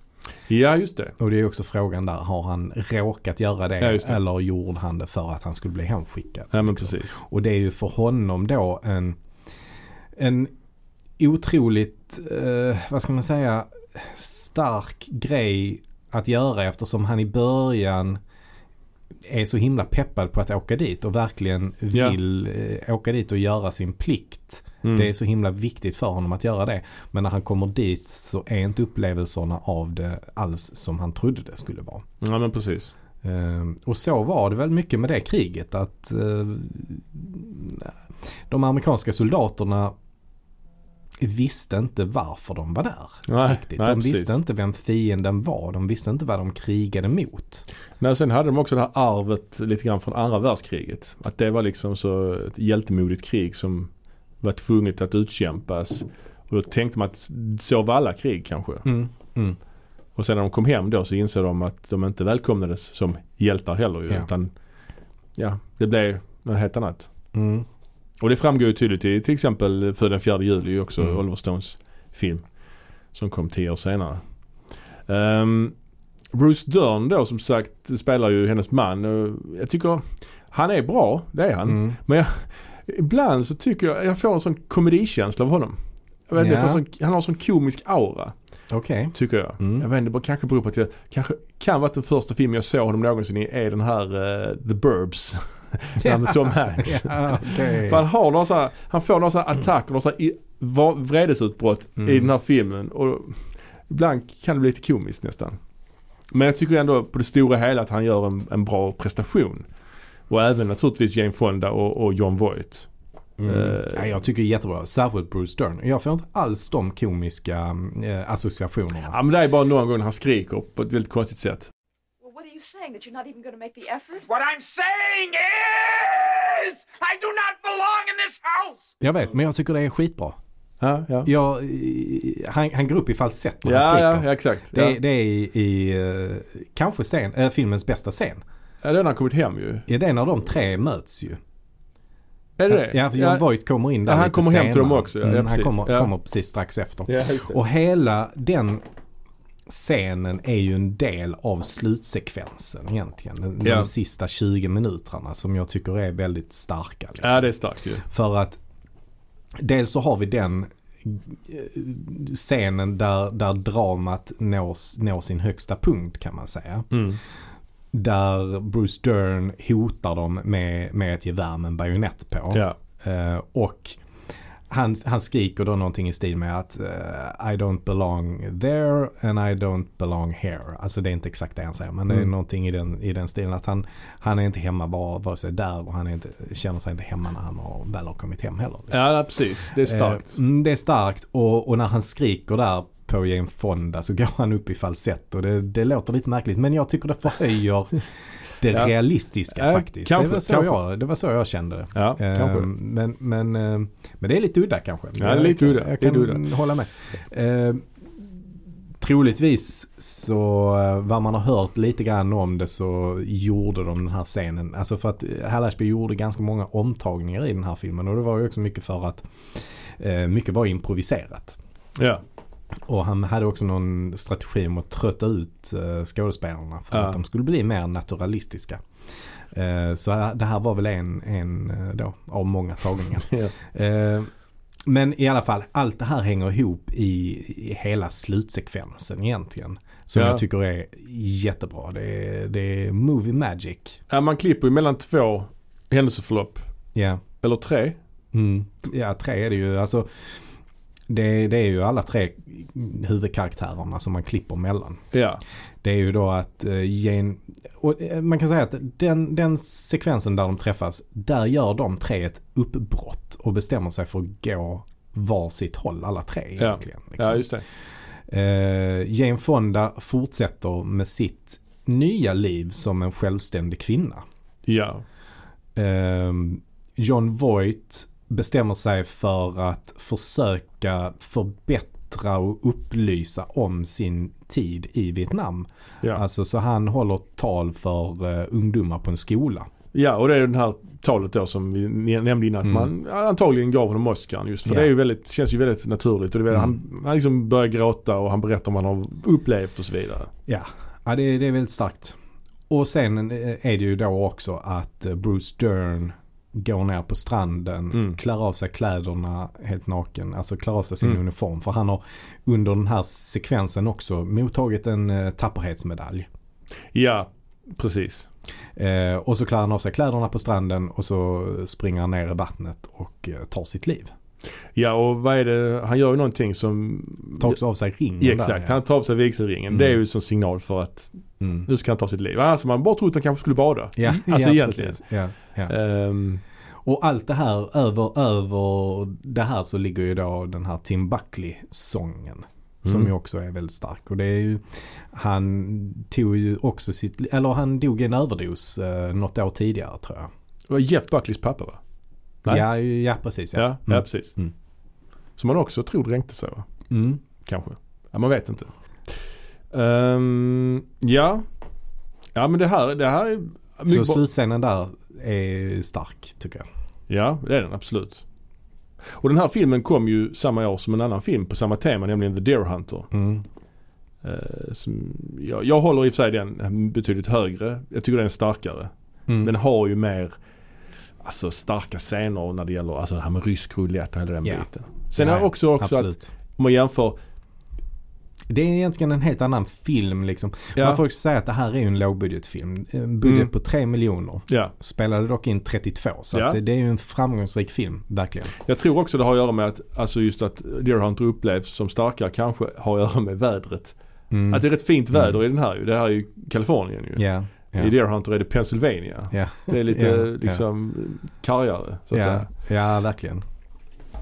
Ehm, men det här är ju en eh, mer, mer dramatisk film och Mm. eh, inte alls komisk som hans andra filmer är. Nej, verkligen inte. Ehm, I och för sig Bound for Glory är inte jättekomisk Nej, det, heller. inte. det här är ju liksom en, en kärlekshistoria. Mm. Eh, I och för sig det är ju Harold Mord också men inte riktigt på Mm. samma sätt. Här finns, eh, det här är ju inte skruvad den här filmen. Nej, nej, inte Ja. alls. Nej. Eh, men det som ändå gör att man verkligen känner att det är en Hal Ashby-film är ju musiken. Den är ju proppad med bra musik. Alltså jag tror det här soundtracket kan ju inte varit billigt. Alltså det är ju Beatles och Rolling Stones. Och, Ja. Alltså det är ju jättemycket. Framförallt Beatles är jag till över för att Ja, det är inte så ofta de lånar ut sin musik Nej, till, till nej. filmer. nej. Det är ju då bland annat Hey Jude Ja, som eh, ligger över hela inledningssekvensen när Bruce Dern ska åka iväg. precis. Ehm, och sen även mot slutet så är det ju eh, Rolling Stones Sympathy for the Devil. Mm, mm. Eh, som också ligger över som ett medley.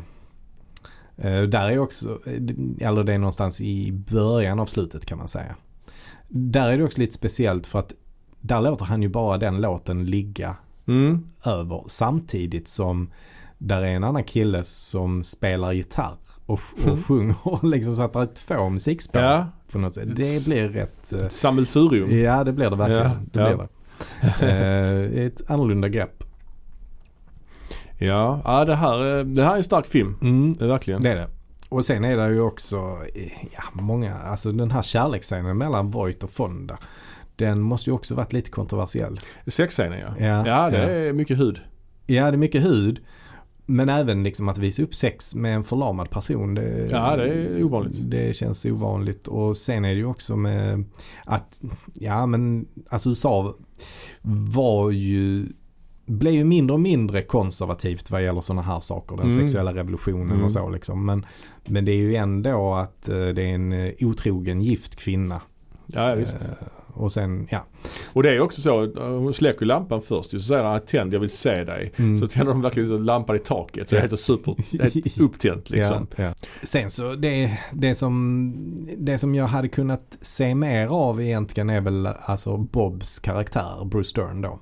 Mm. Ehm, han är ju borta i stora delar av filmen när han är i, i Vietnam. Ja, det kan jag ändå, ja det kan jag tycka är lite häftigt på något sätt. Att han, att man inte får följa hans utveckling. Att han, han är på ett sätt i början och sen kommer han tillbaks. Man har liksom inte fått se vad som har hänt utan han bara är annorlunda. Mm. Mm. Eller först när han kommer är han ju som vanligt men sen Mm. upptäcker man efterhand att ah shit han är inte som vanligt. Han, har, han är förstörd. Liksom. Jag hade nog ändå gärna att, velat att det var lite mer förstärkt. Att man hade Mm. fått se den förändringen för att kunna förstå honom lite bättre. Ja då hade, då hade det blivit väldigt likt Deer Hunter kanske. Ja, ja precis. Ehm, så att det kanske är det jag saknar. Men jag kan förstå din poäng också. mm. Mm. Sen tycker jag det är intressant i castingen också att man, man gjorde Dern till den, alltså egentligen hade han funkat som veteranen också.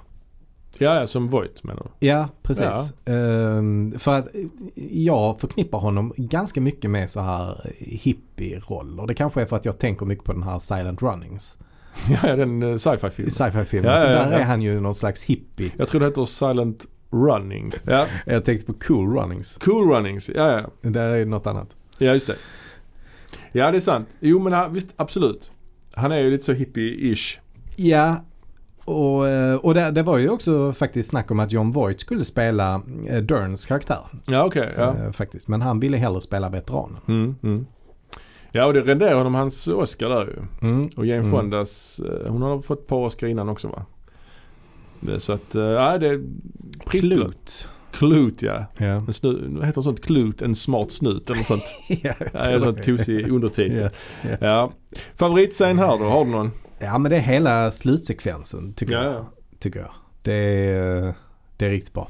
Jag tycker också det är ett starkt där när, han kommer hem och de ska fira honom. Och det är bara, Mm. det är bara Mm. dem och väninnan där. Ja. Det är också är så jävla deppigt i det här armébashuset. Mm. Som heter Mm. opersonligt inrett. Typ Mm. så.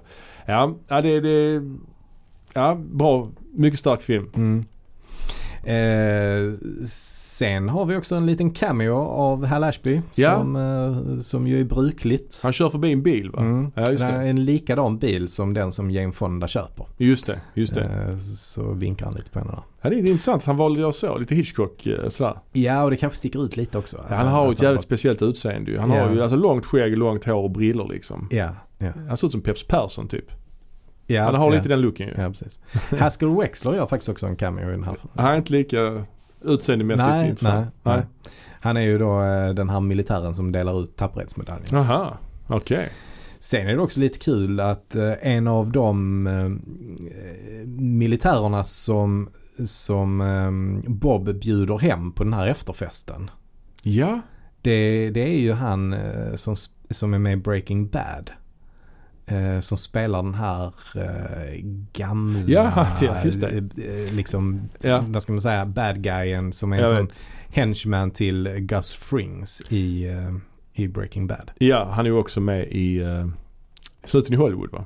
Ja, det är ja, just det. Han som. Eddie Murphy slänger in någon slags buffé. Ja, ja, ja. Ja men där är ett par som gör småroller i filmen. Även Mm. eh, han Robert Carradine gör någon roll och även Charles Cyphers som vi känner från eh, Mm. Halloween. Ja, ja, ja. Samma år för övrigt ju. Just det. Så att det där är liksom några Mm. så här halvkända Mm. namn som gör små roller. Så det är lite kul. Mm. Ska vi gå vidare till den sista filmen vi tänkte behandla i dagens avsnitt då? Ja. Och då är vi framme vid 1979 och filmen Being There. Eller som den heter på svenska Välkommen Mr Chance. Som jag kanske tycker är en bättre, bättre titel alltså. Ja, absolut. Being There är, säger inte så mycket. Nej jag tycker inte det heller. Alltså jag fa- fattar titelns poäng egentligen. Gör men jag tycker vad, det, är, vad är den då? ja, men det är att han bara är där kanske. ja, men att han är så passiv. Vi kommer ju till det sen. Men att han, liksom, han, är, han är passiv. Han bara är där men ändå Mm. påverkar han så mycket ju. Mm, mm. Välkommen Mr Chance låter bättre. Det Mm. låter som en så klassisk Hollywoodfilm på något sätt. Ja, det gör det. Men det, det, det finns ju fler, finns inte fler titlar som, som heter något sånt? Jo men jag tänker Mr Smith Goes to Washington. Ja, vad heter den på svenska? Välkommen? Nej. Nej jag kommer inte ihåg. Nej, Nej. jag vet faktiskt inte. Men finns också någon Mr Deeds, eller? ja, Mr Deeds finns också.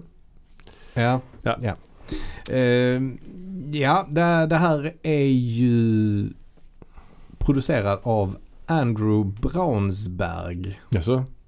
Nej han har känt till. Nej, jag tror han också var producent på Rosemary's Baby. Mhm. Polanski-filmen. Ja. Eh, och det hänger också ihop då med eh, att det här är en bok som är eh, bas- eller baserad på en bok som är skriven av Jerzy Kaczynski. Ja. Eh, också eh, Polsk. från Polen, Ja. precis som Polanski. Så Ja. att eh, de kände ju varandra och, Ja. Och Polanski var ju kanske inkopplad på detta på något, på något sätt. Men det var i alla fall så de, de kom i kontakt med varandra, Braunsberg och Kaczynski. Precis. Och Kaczynski skrev ju manuset då baserat på sin egen bok. Ja. Men han skrev flera versioner av manuset. Mm. Men det var så Mm. jävla dåligt tydligen. Mm. Så att då gav Ashby uppdraget åt Robert C. Jones igen, att, som Mm. då vann Oscar för Coming Home, att skriva om manuset. Och det gjorde han. Och då blev det Mm. jättebra. Men Mm. han fick ingen cred för det. Nej. Kosinski vägrar ge honom cred. Ja, och Kosinski var ju helt övertygad om att han skulle eh, regissera filmen också. Ja. Det, var ju det, han, det var ju det han jobbade för. det var inget fel på självförtroendet Nej, hos Kosinski. Nej, nej. Ja, han verkar ju vara en eh, rätt så bisarr person. Alltså kymig karaktär kanske man kan säga. Ja, jag såg en intervju med honom. Han, han Mm. verkar väldigt, eh, jag ska säga, glad i sig själv. Självgod Ja, kan man säga. ja, Ja, verkligen. verkligen. Ja. Ehm, men han var ju någon slags kändisförfattare också. Ja, Han ja. var ju ofta med i talkshows och sånt Ja, där. precis. Ehm, Han har inte eh, skrivit så jävla många böcker. Nej, det har han inte. Ehm, Han skrev om The Painted Bird. mm, och den blev faktiskt film för några år sedan Ja, också. precis. Eh, Men, men, men fram tills att den, den blev film så efter den här Being There så var det ju inga fler filmer som eh, Nej. filmatiserades av Nej, hans nej, nej. eh, grejer.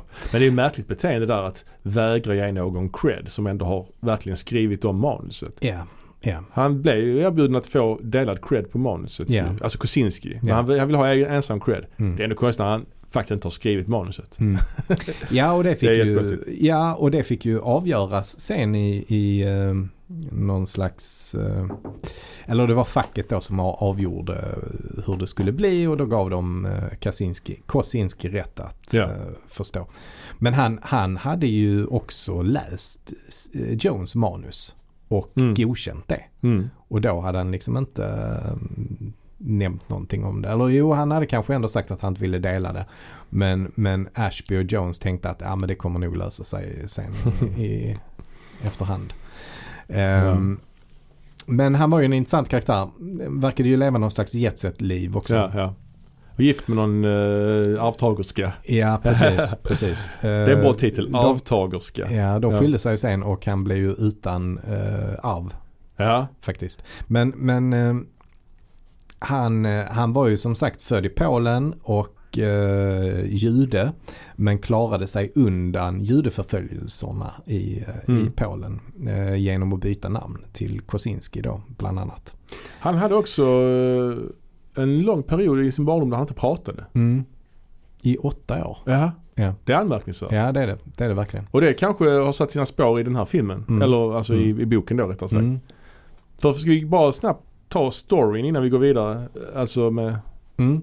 det handlar ju om en herre som heter Chance som är trädgårdsmästare Mm. åt en familj. En gammal man. Ja. Och den här gamla mannen dör i början av filmen och eh, ja, Chance vet inte vad han ska ta sig till. Han är ju väldigt speciell. Enda, han, enda kontakt han har med omvärlden är ju via TV. Mm. Han har ju... Ja. Och han har aldrig varit utanför det här huset. Nej. Eh, någonsin. Kanske möjligtvis när han var väldigt ung då. Det måste han, för han måste ju ha hamnat i det här huset på något sätt. Ja på något sätt. Men han har ju, hans, hans bakgrund är ju helt uh, okänd. Man Den är vet helt ju, okänd. Man vet ju ingenting om den här karaktärens backstory liksom. Och i det här stora fina huset som han eh, bor i. Ja. Eh, är det ju bara den här äldre mannen som då eh, äger huset och en hushållerska. ja. Och det är den här hushållerskan hållerskan då som har eh, uppfostrat honom. Ja, och hon sticker ju därifrån sen i, i början av filmen. bara. Ja. Så, så nu lämnar jag, nu, liksom, nu är det här slut typ. Mm. Ja det, det är starkt. Mm. Och han, han eh, Chance spelas ju av eh, Peter Sellers. Ja. Och det är en väldigt annorlunda roll för Peter Sellers detta ju. Ja, det är det. En, eh, han är ju framförallt känd som komiker ju. Oh ja. Och eh, oftast så vill ju komiker gärna göra någon dramatisk roll också. Och det blir ju faktiskt i många fall bra. Ja, här spelar han ju under. Ja, Fruktansvärt ja. underspel. Han är ju Ja, väldigt fåordig. Han var väldigt speciell röst också. Han la ju till någon dialekt som skulle vara svår att eh, liksom härleda till någon Mm. region. mm. Han, ja där, där är liksom, eh, Peter Sellers var ju britt ju. ja, ja. Eh, Men han var ju expert på att göra röster och Mm. göra dialekter. Så att han har ju i, i, i Det Rosa Pantern som kanske är några av hans mest kända Mm. filmer så har han ju någon slags fransk dialekt. ja. Dr. Strangelove kör den här tyska. Ja, Och han är Ja. amerikan och britt också i den. För jag spelar tre roller i den filmen. ja. Så att, eh, han gjorde ju ofta det, spela flera roller i Mm. samma film. Mm. Ehm, men här eh, så gör han en helt annorlunda roll. Mm. Eh, Så att han har ju några drag av eh, brittisk dialekt. Men det är ju Mm. ändå, en, ja men det är som sagt det är svårt att Ja. Svårt att säga var den här dialekten kommer ifrån. Han inspirerades tydligen av eh, Stan Laurel för Mm. den här rösten. Alltså Mm. halvan då i Helan och halvan. Ja okej, ja ja. Helan och halvan, de tänker man inte på så ofta. Nej, nej det gör fan Men alltså, kan vi inte bara stanna vid Helan och halvan? Jo det kan vi göra. För de är ju ändå jävligt kända alltså. Ja. Alltså de är ikoniska ju. oh ja. Det fanns oh, ju en serietidning när man var liten som hette Helan och halvan. Med ja, de som tecknade. det. Det. Ja det kommer jag ihåg faktiskt nu när du säger det. Ja, jag har inte alls tänkt Men det på intressanta med, det intressanta med Helan och halvan, men ibland så likställer man dem med Chaplin på något sätt ju. Mm. Alltså, Mm. eller hur? Ja. Men de är ju, jag kan inte nämna en enda film, ett enda skämt, ingenting de har gjort. Alltså ärligt. Men, Men gjorde de filmer på samma sätt som Chaplin? du ser, de är ju, Tror jag inte.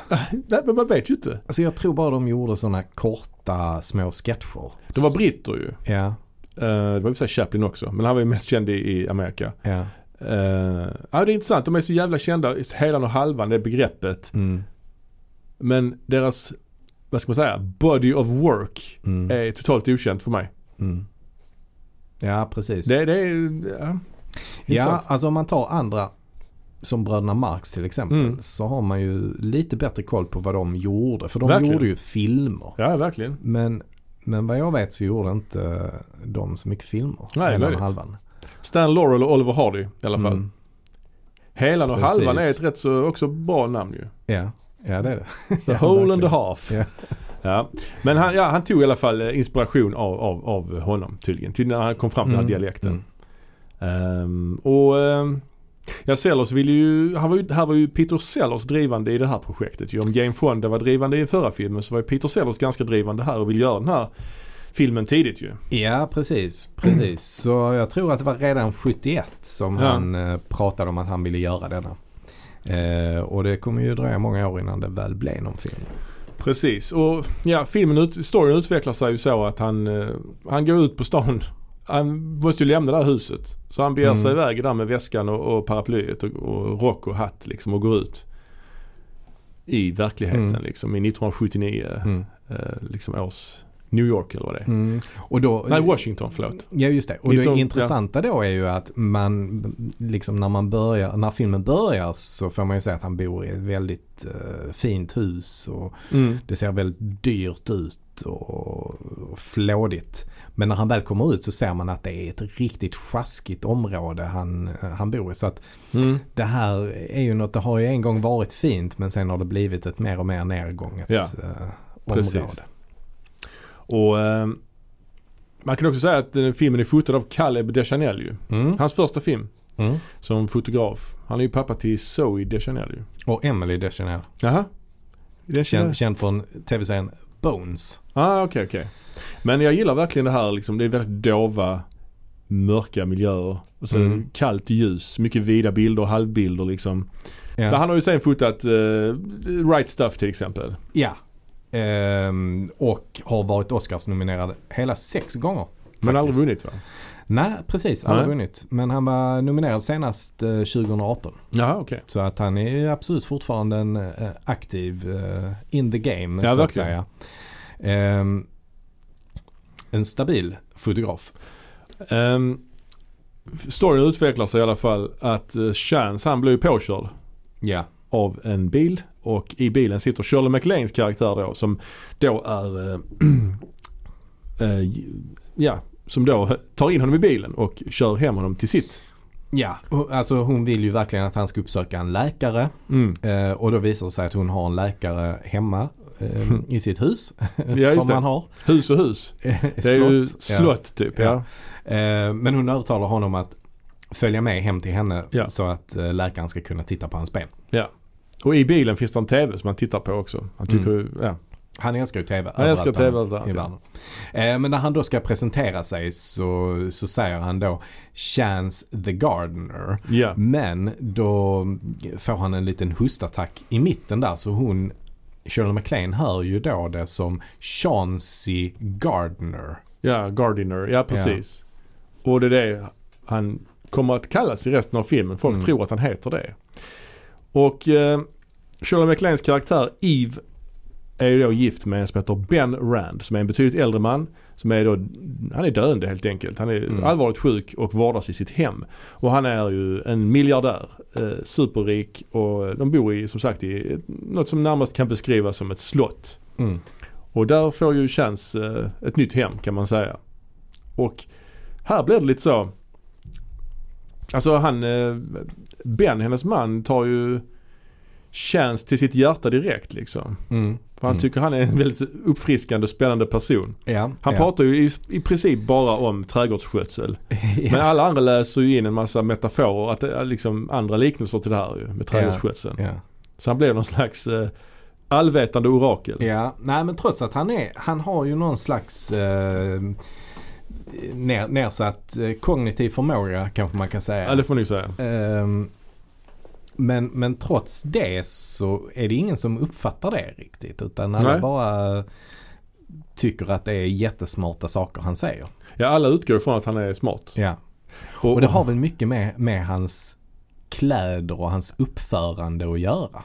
Ja, För han går ju väldigt så här eh, Rakryggat. Rakryggat och Ja. väldigt tjusiga kläder och ser ut som en mm. gammal engelsk herre. Ja, verkligen. Eh, Han har så plommonstop och rock och ja, skräddade kläder. Ja, precis. Och, och sen, sen får ju den här eh, storyn får lite andra vad ska man säga, tar ju andra vändningar här för att det visar sig att den här mannen Ben då som han bor hos är ju vän med USAs president. Mm. Så USAs president kommer dit Mm. med ett stort, stor motorcade. Ja, precis. Ja, Secret han Service och ben, grejer. han, ben är ju en, en väldigt inflytelserik eh, figur ju som, som eh, han är väl någon industriman uppfattar jag det som. Och, Ja. och ordförande i någon slags eh, sån här sammanslutning av andra viktiga affärsmän inom näringslivet. Ja, och han är då gammal vän med presidenten och har säkert haft stor, stor eh, betydelse när det gäller att presidenten skulle bli vald till president kan man Mm. tänka sig. Mm. Och presidenten kommer dit, spelas av Jack Warden som vi har sett Mm. i många andra filmer ju.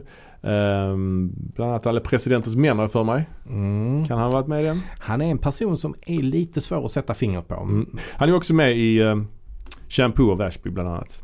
Men där är en sekvens i alla fall där, där Ben då eh, tar med sig Chance för att möta presidenten då i husets bibliotek. Och där är det ett exempel på en typisk sån här cringe-scen som Mm. det, Alltså filmen är fylld med ganska cringeiga scener så att Mm. säga. Där man sitter liksom lite grann och vrider sig av det lite pinsamt. För att Oh ja. när han ska hälsa på presidenten så Ben och presidenten hälsar på varandra genom att hålla varandra i händerna. Skakar Mm. liksom hand med båda händerna ja. ganska länge för de, de är gamla vänner. Och sen ska Ben då, eller presidenten hälsa på Chance och då gör han likadant och släpper typ inte presidentens händer.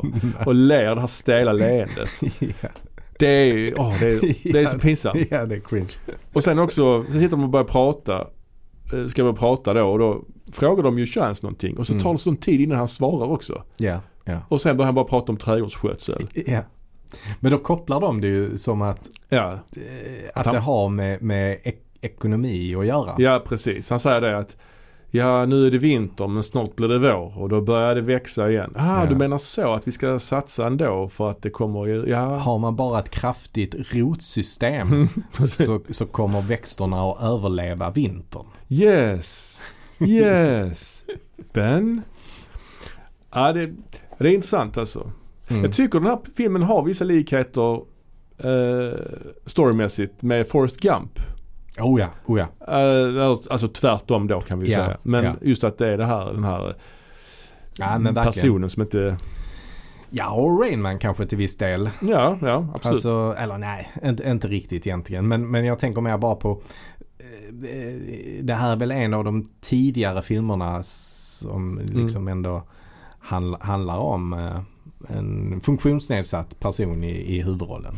Ja men det är så Kaspar Hauser eh, Mm. eller alltså, någon person som varit isolerad från omvärlden och hur den tar Mm. omvärlden. Och han hamnar ju i sådana stora sammanhang. Han får gå på fina middagar med liksom, Washingtons politiska elit och folk Ja. börjar prata med honom. Han blir känd.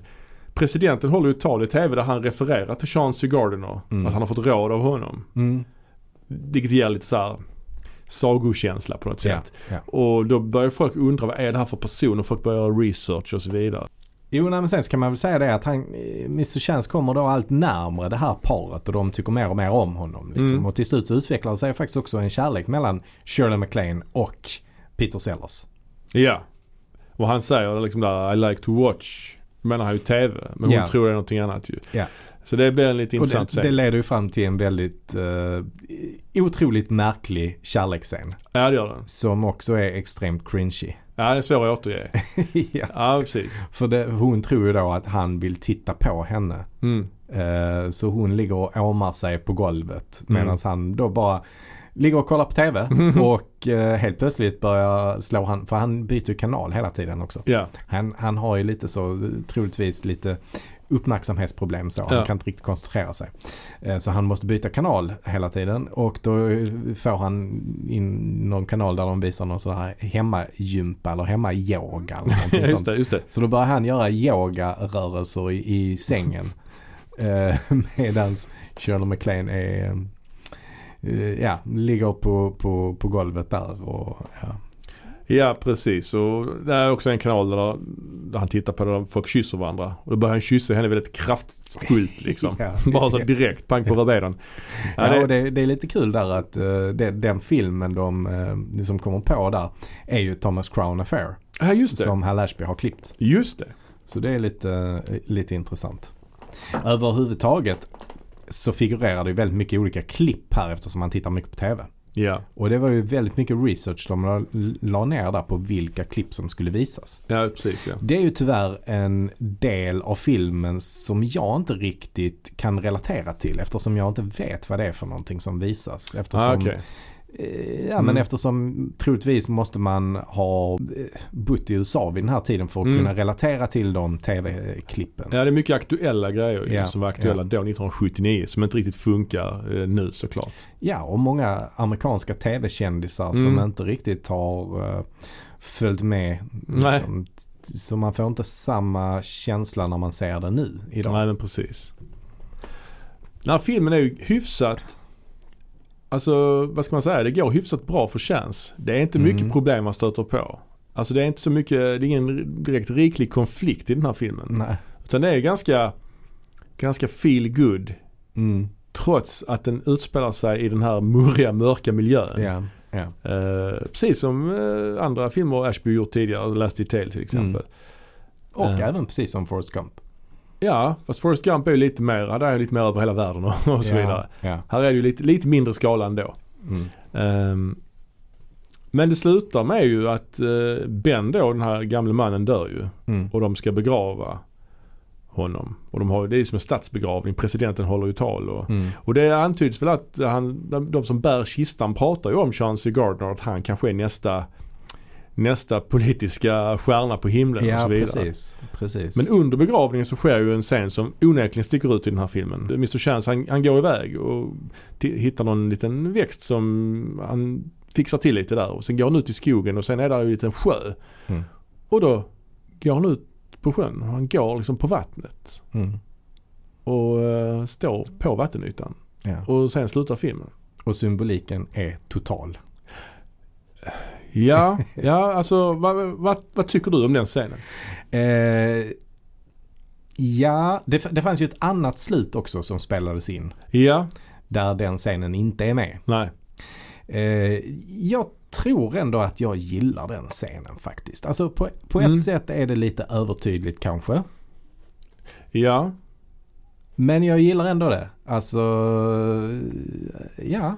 Han har ju inte gjort några, alltså det är Jesus går på vattnet då Mm. för, för nytillkomna. Men det är inte så att det är några andra direkta Kristusparalleller i filmen vad jag kan tycka. Nej, nej. Det finns väl någon annan teori om att anledningen till att han går på vattnet är att han är för dum för att förstå att det inte går på något sätt. Mm. Kan man också tolka in det som. Mm. Men jag, jag gillar också det. Det ger, det ger någon magisk realism. eh, Eller så. Exakt. Ja men det är det det gör ju. Men det, det har ju inte hänt något Det annat. förstärker känslan av att det här är en saga. Ja det gör det. Absolut. Om, om, man tar, om man tar filmen tidigare Coming Home då som ju är naturalistisk och väldigt realistisk i nästan dokumentär. Ja, ja. Så är ju det här då motsatsen. Jag har aldrig tänkt på att det är ju likheter där ju. Båda två går ut i vattnet fast den Ja. ena tar livet av sig när den går på vattnet. Ja, ja precis. Ja. Det var sjukt man har bytt plats på de två scenerna. Det här var ett märkligt, märkligt val. Ja. ja. Ehm, nej precis. Nej det, det, du har rätt. Det här är en helt annan typ av eh, Mm, känsla han eftersträvar här ju. Mm. Mm. Och eh, ja, och på något sätt så förstärker det ju eh, den, den, den grejen att det här, det här är en saga och, Mm. och inget annat. Och, och, och det visar väl Hal Ashby ännu tydligare med att när eftertexterna börjar rulla så ligger det ju en sån här scen som blev bortklippt. Ja, det är bloopers ju. En blooper ja. Där Peter Sellers eh, liksom bryter karaktär och börjar skratta och så. Ja och inte kan leverera en replik. Det däremot tycker jag förstör ganska mycket. Ja men det förstör ju jättemycket. Ja, Alltså på riktigt. Jag vet att det ska finnas en annan version av filmen där det är borta. okej. Där man bara Mm. har så här tv-brus. Mm, Okej. Mm. För det börjar ju med så tv-brus Ja. och sen kommer det direkt. Mm. Och det är ju, Peter Sellers själv trodde ju att det var det som förstörde hans chanser att vinna Oscar för bästa Mm. manliga huvudroll. Alltså bloopersrullen. Ja, Ja okej. Ja, då han sa att it broke the spell of the film liksom. ja för det gör det. ja. Det händer så direkt efter det här att han går på vattnet. Ja. Man hinner liksom inte ens eh, ta in att Nej. han går på vattnet. eh, innan, innan det här innan eftertexterna börjar rulla ju. Så, Ja, och det var någon sån sista minuten beslut att ha med det också Ja, tror jag. Jag förstår ja. inte varför man har med det. Man kunde haft med det efter eftertexterna eller någonting. Mm. Mm. Nej, jag fattar inte det. Ja, nej det, det, det behövs absolut Nej, inte. det, det är jätte, det är det sämsta beslut de kunde ta alltså. Ja. Och det känns på något sätt som att uh, Hal Ashby inte riktigt kan stå för filmen. Nej, och, Den ja, precis. Och det är också att Peter Sellers någonstans måste vara den här tok, tokige, Mm, tokroliga personen. mm, Det, är- det är lite synd. mm. Men, men eh, andra anledningar till att uh, Sellers inte vann Oscar var ju också att han inte ville göra någon promotion för filmen. Mhm. Så han följde ju inte alls med på några sådana kampanjer eller, Nej, eller okej. någonting sånt. Han var inte på Oscarsgalan heller tror jag. Nej. Han, eh, han började direkt göra den här Fu Manchu-filmen tror jag. Ja, som skulle vara Ja. riktigt dålig. Jag har inte sett den. Nej. Det blev hans sista film också ju. Ja, och sen så dog han ju kort efter detta också. Ja, precis. Den här filmen blev någon slags svanesång, säger man Ja. så? Både Ja. för Hal Ashby och Peter Sellers. Mm. Eh, det var ju många, alltså Melvin Douglas som spelar den här eh, Ben, den här Mm. sjuke mannen. Han vann ju Mm. Oscar för bästa manliga biroll här ju. Mm. Men han gick ju bort sen två år senare. Mm. Och även då, eh, Peter Sellers dog ju 1980, året efter ju. Ja. Ja. Och han, författaren Jerzy Kosinski, Mm. hans karriär gick ju till helvete också ju. Mm. Han, han blev anklagad för plagiat och sånt ju. Och han, han tog sen livet av sig ju. Ja. Så att eh, det är ju många liksom som bara försvann. Och Hal Ashby då som vi ska prata mer om, hans karriär gick ju också åt pipsvängen. Men vad tycker du om eh, Being There? ja, men jag gillar den. Ja, Jag tycker den är väldigt bra faktiskt. Ja. Ehm, och jag gillar framförallt som i många andra Hal Ashby-filmer så gillar jag framförallt inledningen filmen. Jag tycker Mm. Hal Ashby är bra på att skapa inledning. ja jo sant. Ehm, för inledningen är väldigt bra. Dels att vi får reda lite grann på vem Mr. Chance är och sådär. Och sen så är det ju fantastiskt när han kommer ut ur huset för första gången Ja, och upplever världen utanför. Och de spelar den här, eh, ja. de spelar liksom en jazzig eller funkig version av Alltså sprach Zarathustra. Ja, känd från 2001. Ja, precis. Space Odyssey.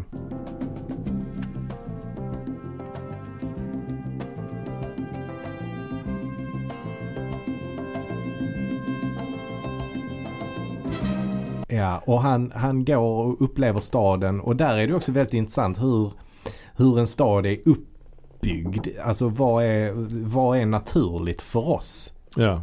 Det, det är sånt som man inte tänker på. Men där är en scen till exempel där han går längs med en motorväg. Men han det. går inte på trottoaren utan han går på refugen Just det. mellan de två eh, eh, alltså riktningarna i motorvägen. Ja, precis. Och jag menar, ja. Vi vet ju att det inte är där man ska gå såklart. Nej, men men eh, det, det vet ju inte en oinvigd så att säga. Nej, precis. Ehm, Så att det är ju eh, mycket intressant. Och sen så träffar han ju på något slags eh, gäng där också. Ja, just det, som hotar honom och Ja. sånt. Ja. Nej, jag, jag gillar också den här filmen jättemycket. Jag tycker, jag tycker alltså Ja men just det här de mörka färgerna. Jag älskar ju sån här 70-talsmurr. Mm. Mm, och den känns, den har en ton som kanske är unik. Mm. Just det här Mm. Peter Sellers sp- underspel. Och att det, ja, det är en skön film att liksom bara hänga med lite grann. Mm. Subtil humor Mm. och väldigt nertonat. Eh, lite quirky så det påminner lite grann om Harold and Maude. Ja men det gör den. Det gör den. Um, sen så påminner ju också Chance lite grann om Ashby också. Alltså att Ja. han är lite, en, lite utanför, en, Mm. en ensamvarg liksom. Ja precis. Ja. Missförstådd Ja. kanske. Här är ju många fina scener. Det är ju kul när han träffar presidenten där Mm, till exempel. precis. Presidenten i sig kanske är mm, något som jag tycker kunde gjorts lite bättre kanske. Ja han känns inte Han- så presidential. Exakt. Nej. Och det kanske är ett medvetet val, det antar jag att det är. Om det, om det finns någon kritik så är det kanske det. Ja. Sen så, ja det är ju, en- det är ju en satir liksom. Så att det är ju, det är ju mycket här man, man måste, måste köpa. Men det, annars är det ju mycket som inte är så trovärdigt Nej, nej, såklart, såklart. Men, Men, eh, men det ska man inte hänga upp sig på tycker jag inte. Nej. Man ska bara sätta sig och gå in i den här filmen tycker Ja, njuta. jag. Mm, precis. Ska vi eh, prata lite mer om resten av Ashbys karriär och liv? Ja. Eh, det här var ju hans sista stora hit. Liksom. Ja, det är ju intressant just för att hans karriär, att han, han, hans karriär verkligen är sy- symbios med 70-talet på något Mm. sätt. Han gjorde Mm. sin första film 1970 och sin sista succé 1979. Han är verkligen förknippad med 70-talet. För på 80-talet så gick det inte bra. Alltså han, dels hade han ju problem med droger. Mm. Han började med kok- kokain. Han Mm. rökte ju på ganska mycket också men han började med kokain. Han hade, han hade ju vissa pro- problem. Alltså han var ju lite paranoid och ja. hade problem med auktoriteter och Mm. så ja, och det blev ju värre och värre. Cannabisen, den, den hade han väl hållit på med under hela 60-talet också. Ja, ja, ja. Så det, det, men, men han utökade med kokain senare liksom. Och det, Ja. det, det blev ju sämre och sämre för honom där ja precis. Och han hade också problem med auktoriteter som sagt och, och han han blev ofta ovän med bolagschefer och sen så, Mm. men då gick han till ett nytt bolag. Men till slut så blev det ju så att de här bolagscheferna ersättes ju av varandra. Så de, Ja, de hoppar ju ja. runt bland bolagen. Till slut så fanns det ju ingen som ville ha med honom att göra liksom. Och ehm, Nej, ja. och det intressanta där är att vad man, vad man kan läsa och vad man kan höra om de olika teamen på, på inspelningarna och så. Ja. Och skådespelare och så, så har ju alla alltid älskat att jobba med honom. Mm. Det är ju bara producenter som han inte har bra förhållande till. Men, men alla Ja, andra alltså, som han har samarbetat med har ju alltid hållit honom väldigt högt. Ja, men sen allt eftersom åren gick så blev han mer och mer så här, eh, hade lett till det aggressiva har jag hört. Han Wexler berättade jag för mig och de talade inte med varandra på länge och sånt. Och Ja, okej. Även han Mm. Mulvihill tror jag. Men eh, ja, han gjorde ju 1981 så gjorde han ju filmen Second Hand Hearts och eh, 82 gjorde han Look Into Get Out. Mm. Ja, och det var också filmer som, ja, det blev inga hits helt enkelt. Och han, Nej, nej precis. och han trodde han kunde rädda dem i klippningen. Han filmade ju väldigt mycket och sen visste de, bolagen visste ju att han var långsam på att klippa också. Så att de Mm. var ju rädda för att han skulle dra ut för långt på tiden. Och, Ja precis, så att han gjorde två floppar där och, och sen så var det lite svårt för honom att få nästa uppdrag tror jag. ja men han skulle ju egentligen, han var ju påtänkt eller rätt så nära också göra den här Tootsie med Dustin Hoffman. Just det. Mm. Och hade han gjort den, då Ja. hade han ju varit tillbaks igen on top. För det blev ju en stor hit ju med Ja. Oscarsnomineringar och Ja, Det verkligen. blev Sidney Pollack som gjorde den istället. Men Mm. det, hade han gjort den. eh, Då hade han ju haft fått eh, fortsatt bra karriär. Ja, absolut. Sen vet man ju inte om den hade blivit lika bra där. Nej det vet man ju inte. Men det känns ändå som en film som han hade kunnat göra bra. Ja. Eh, tänker man också dessutom har gjort, gjort Jökboet tidigare. Då hade han ju varit odödlig så att säga. ja, ja, verkligen. Ja, men i alla fall. Han kommer ju göra en, en film där 86 tror jag som Ja. heter 8 million ways to die med Jeff Bridges Ja, i, i huvudrollen och Rosanna Arquette också. Just det. Och det är en film som skulle ha kunnat bli bra. Ja. Men som ju inte blev det. Nej för där tog ju filmbolaget filmen ifrån honom. Mm. För att klippa den själva. Han fick inte lov att klippa den. Och då blev det liksom en annan film än vad, vad han hade tänkt. Ja. Ja. Sen vet man ju som sagt fortfarande inte hur, alltså han var ju rätt så dåligt skick då ju. Mm. Med missbruk och Mm. han blev ju sjuk sen också ju. Filmbolaget ville ju ha en actionfilm. Ja, Men, men Ashby ville inte göra en actionfilm. Så Ashby ville ju fokusera på allt annat runt omkring det. ja, Eh, men, men när filmbolaget sen tog tillbaka den så klippte de ju den som en actionfilm och det var bara inte tillräckligt bra helt enkelt. nej. Ja, och det blev ju hans eh, sista långfilm. Mm. Eh, han gjorde några tv-produktioner sen. Eh, och sen blev han ju tyvärr sjuk i cancer Mm. och gick bort 1988. Ja, väldigt hast, hastigt efter eh, sjukdomen. Ja. Eh, Och eh, det läser man där. En anledning till att han är bortglömd är att han dog 1988. Ja, men det, står, Mm. det är ju olyckligt eh, alltså, hur man nu ska prata om detta. Men hade han, han hade ju lätt fått en revival på 90-talet. Ja, Det kan man ju Ja. tänka sig. Mm. Hade han levt, hade han inte blivit sjuk så hade han säkert kommit tillbaka på 90-talet med de, Mm. vad ska man säga, strömmar som fanns då. 80-talet Mm. var ju ett väldigt stort så här, ego årtionde med konsumering och Ja. ja, kapitalism och alltså det var inte hans era helt enkelt. Nej. Mm. 70-talet var herr Ashby. 90-talet påminner ju mer om 70-talet liksom. Ja, verkligen. Alltså independent-filmerna fick en eh, Ja. revival på, på 90-talet. Och, Precis. Men, eh, nej men det, det, det är tragiskt öde i alla fall. Alltså han verkar ju, Ashby verkar ju vara väldigt sympatisk. Det är ju väldigt sympatiska filmer ju Mm. om outsiders. Ehm, Ja, verkligen. Väldigt humanistiska på något sätt. verkligen. Och det är intressant också som du var inne på där med action. Att hans filmer innehåller så lite våld. Mm. och action eller vad ska man säga om man jämför med andra regissörer från New Hollywood-tiden. Nu är ju Ashby i och för sig en äldre, han var ju äldre än de här New Hollywood-regissörerna. Han var ju född i slutet av 20-talet ju. Mm. Men om man jämför med liksom Scorsese, Coppola, Spielberg, De Palma. Mm. Alla de gör ju thrillers och så vidare. Det gjorde ju inte Ashby på 70-talet. Nej.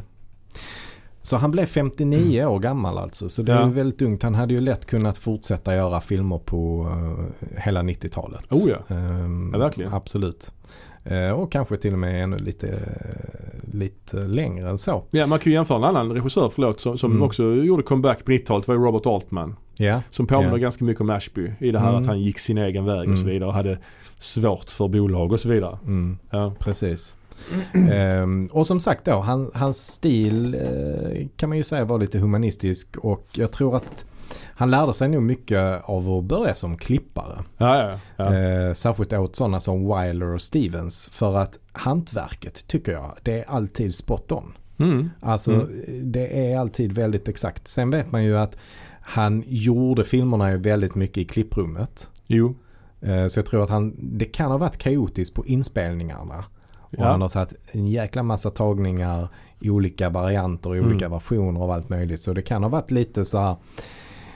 Jag har fått intrycket av att när skådespelarna lämnade inspelningen så visste de inte riktigt vad som hade hänt liksom. man alltså vilken film de hade spelat in. Men, men det blev ju alltid väldigt bra när det kom ut. Man kan ju förstå att bolagscheferna drog öronen åt sig där på 80-talet när han liksom höll på med droger, Mm. ofärdiga Mm. manus och, och skulle rädda så mycket i klippningen. Alltså Mm. man kan ju inte rädda allt i klippningen. Det går ju inte liksom. Nej. Men eh, det måste ju vara, måste ha en grund liksom Mm. att kunna liksom jobba med. Så att det blev väl för mycket för honom där. Och Sen tycker jag också att hans karaktärer han bygger filmerna kring är Mm. alltid starka och aldrig endimensionella utan de har alltid många olika bottnar. Mm, mm, absolut.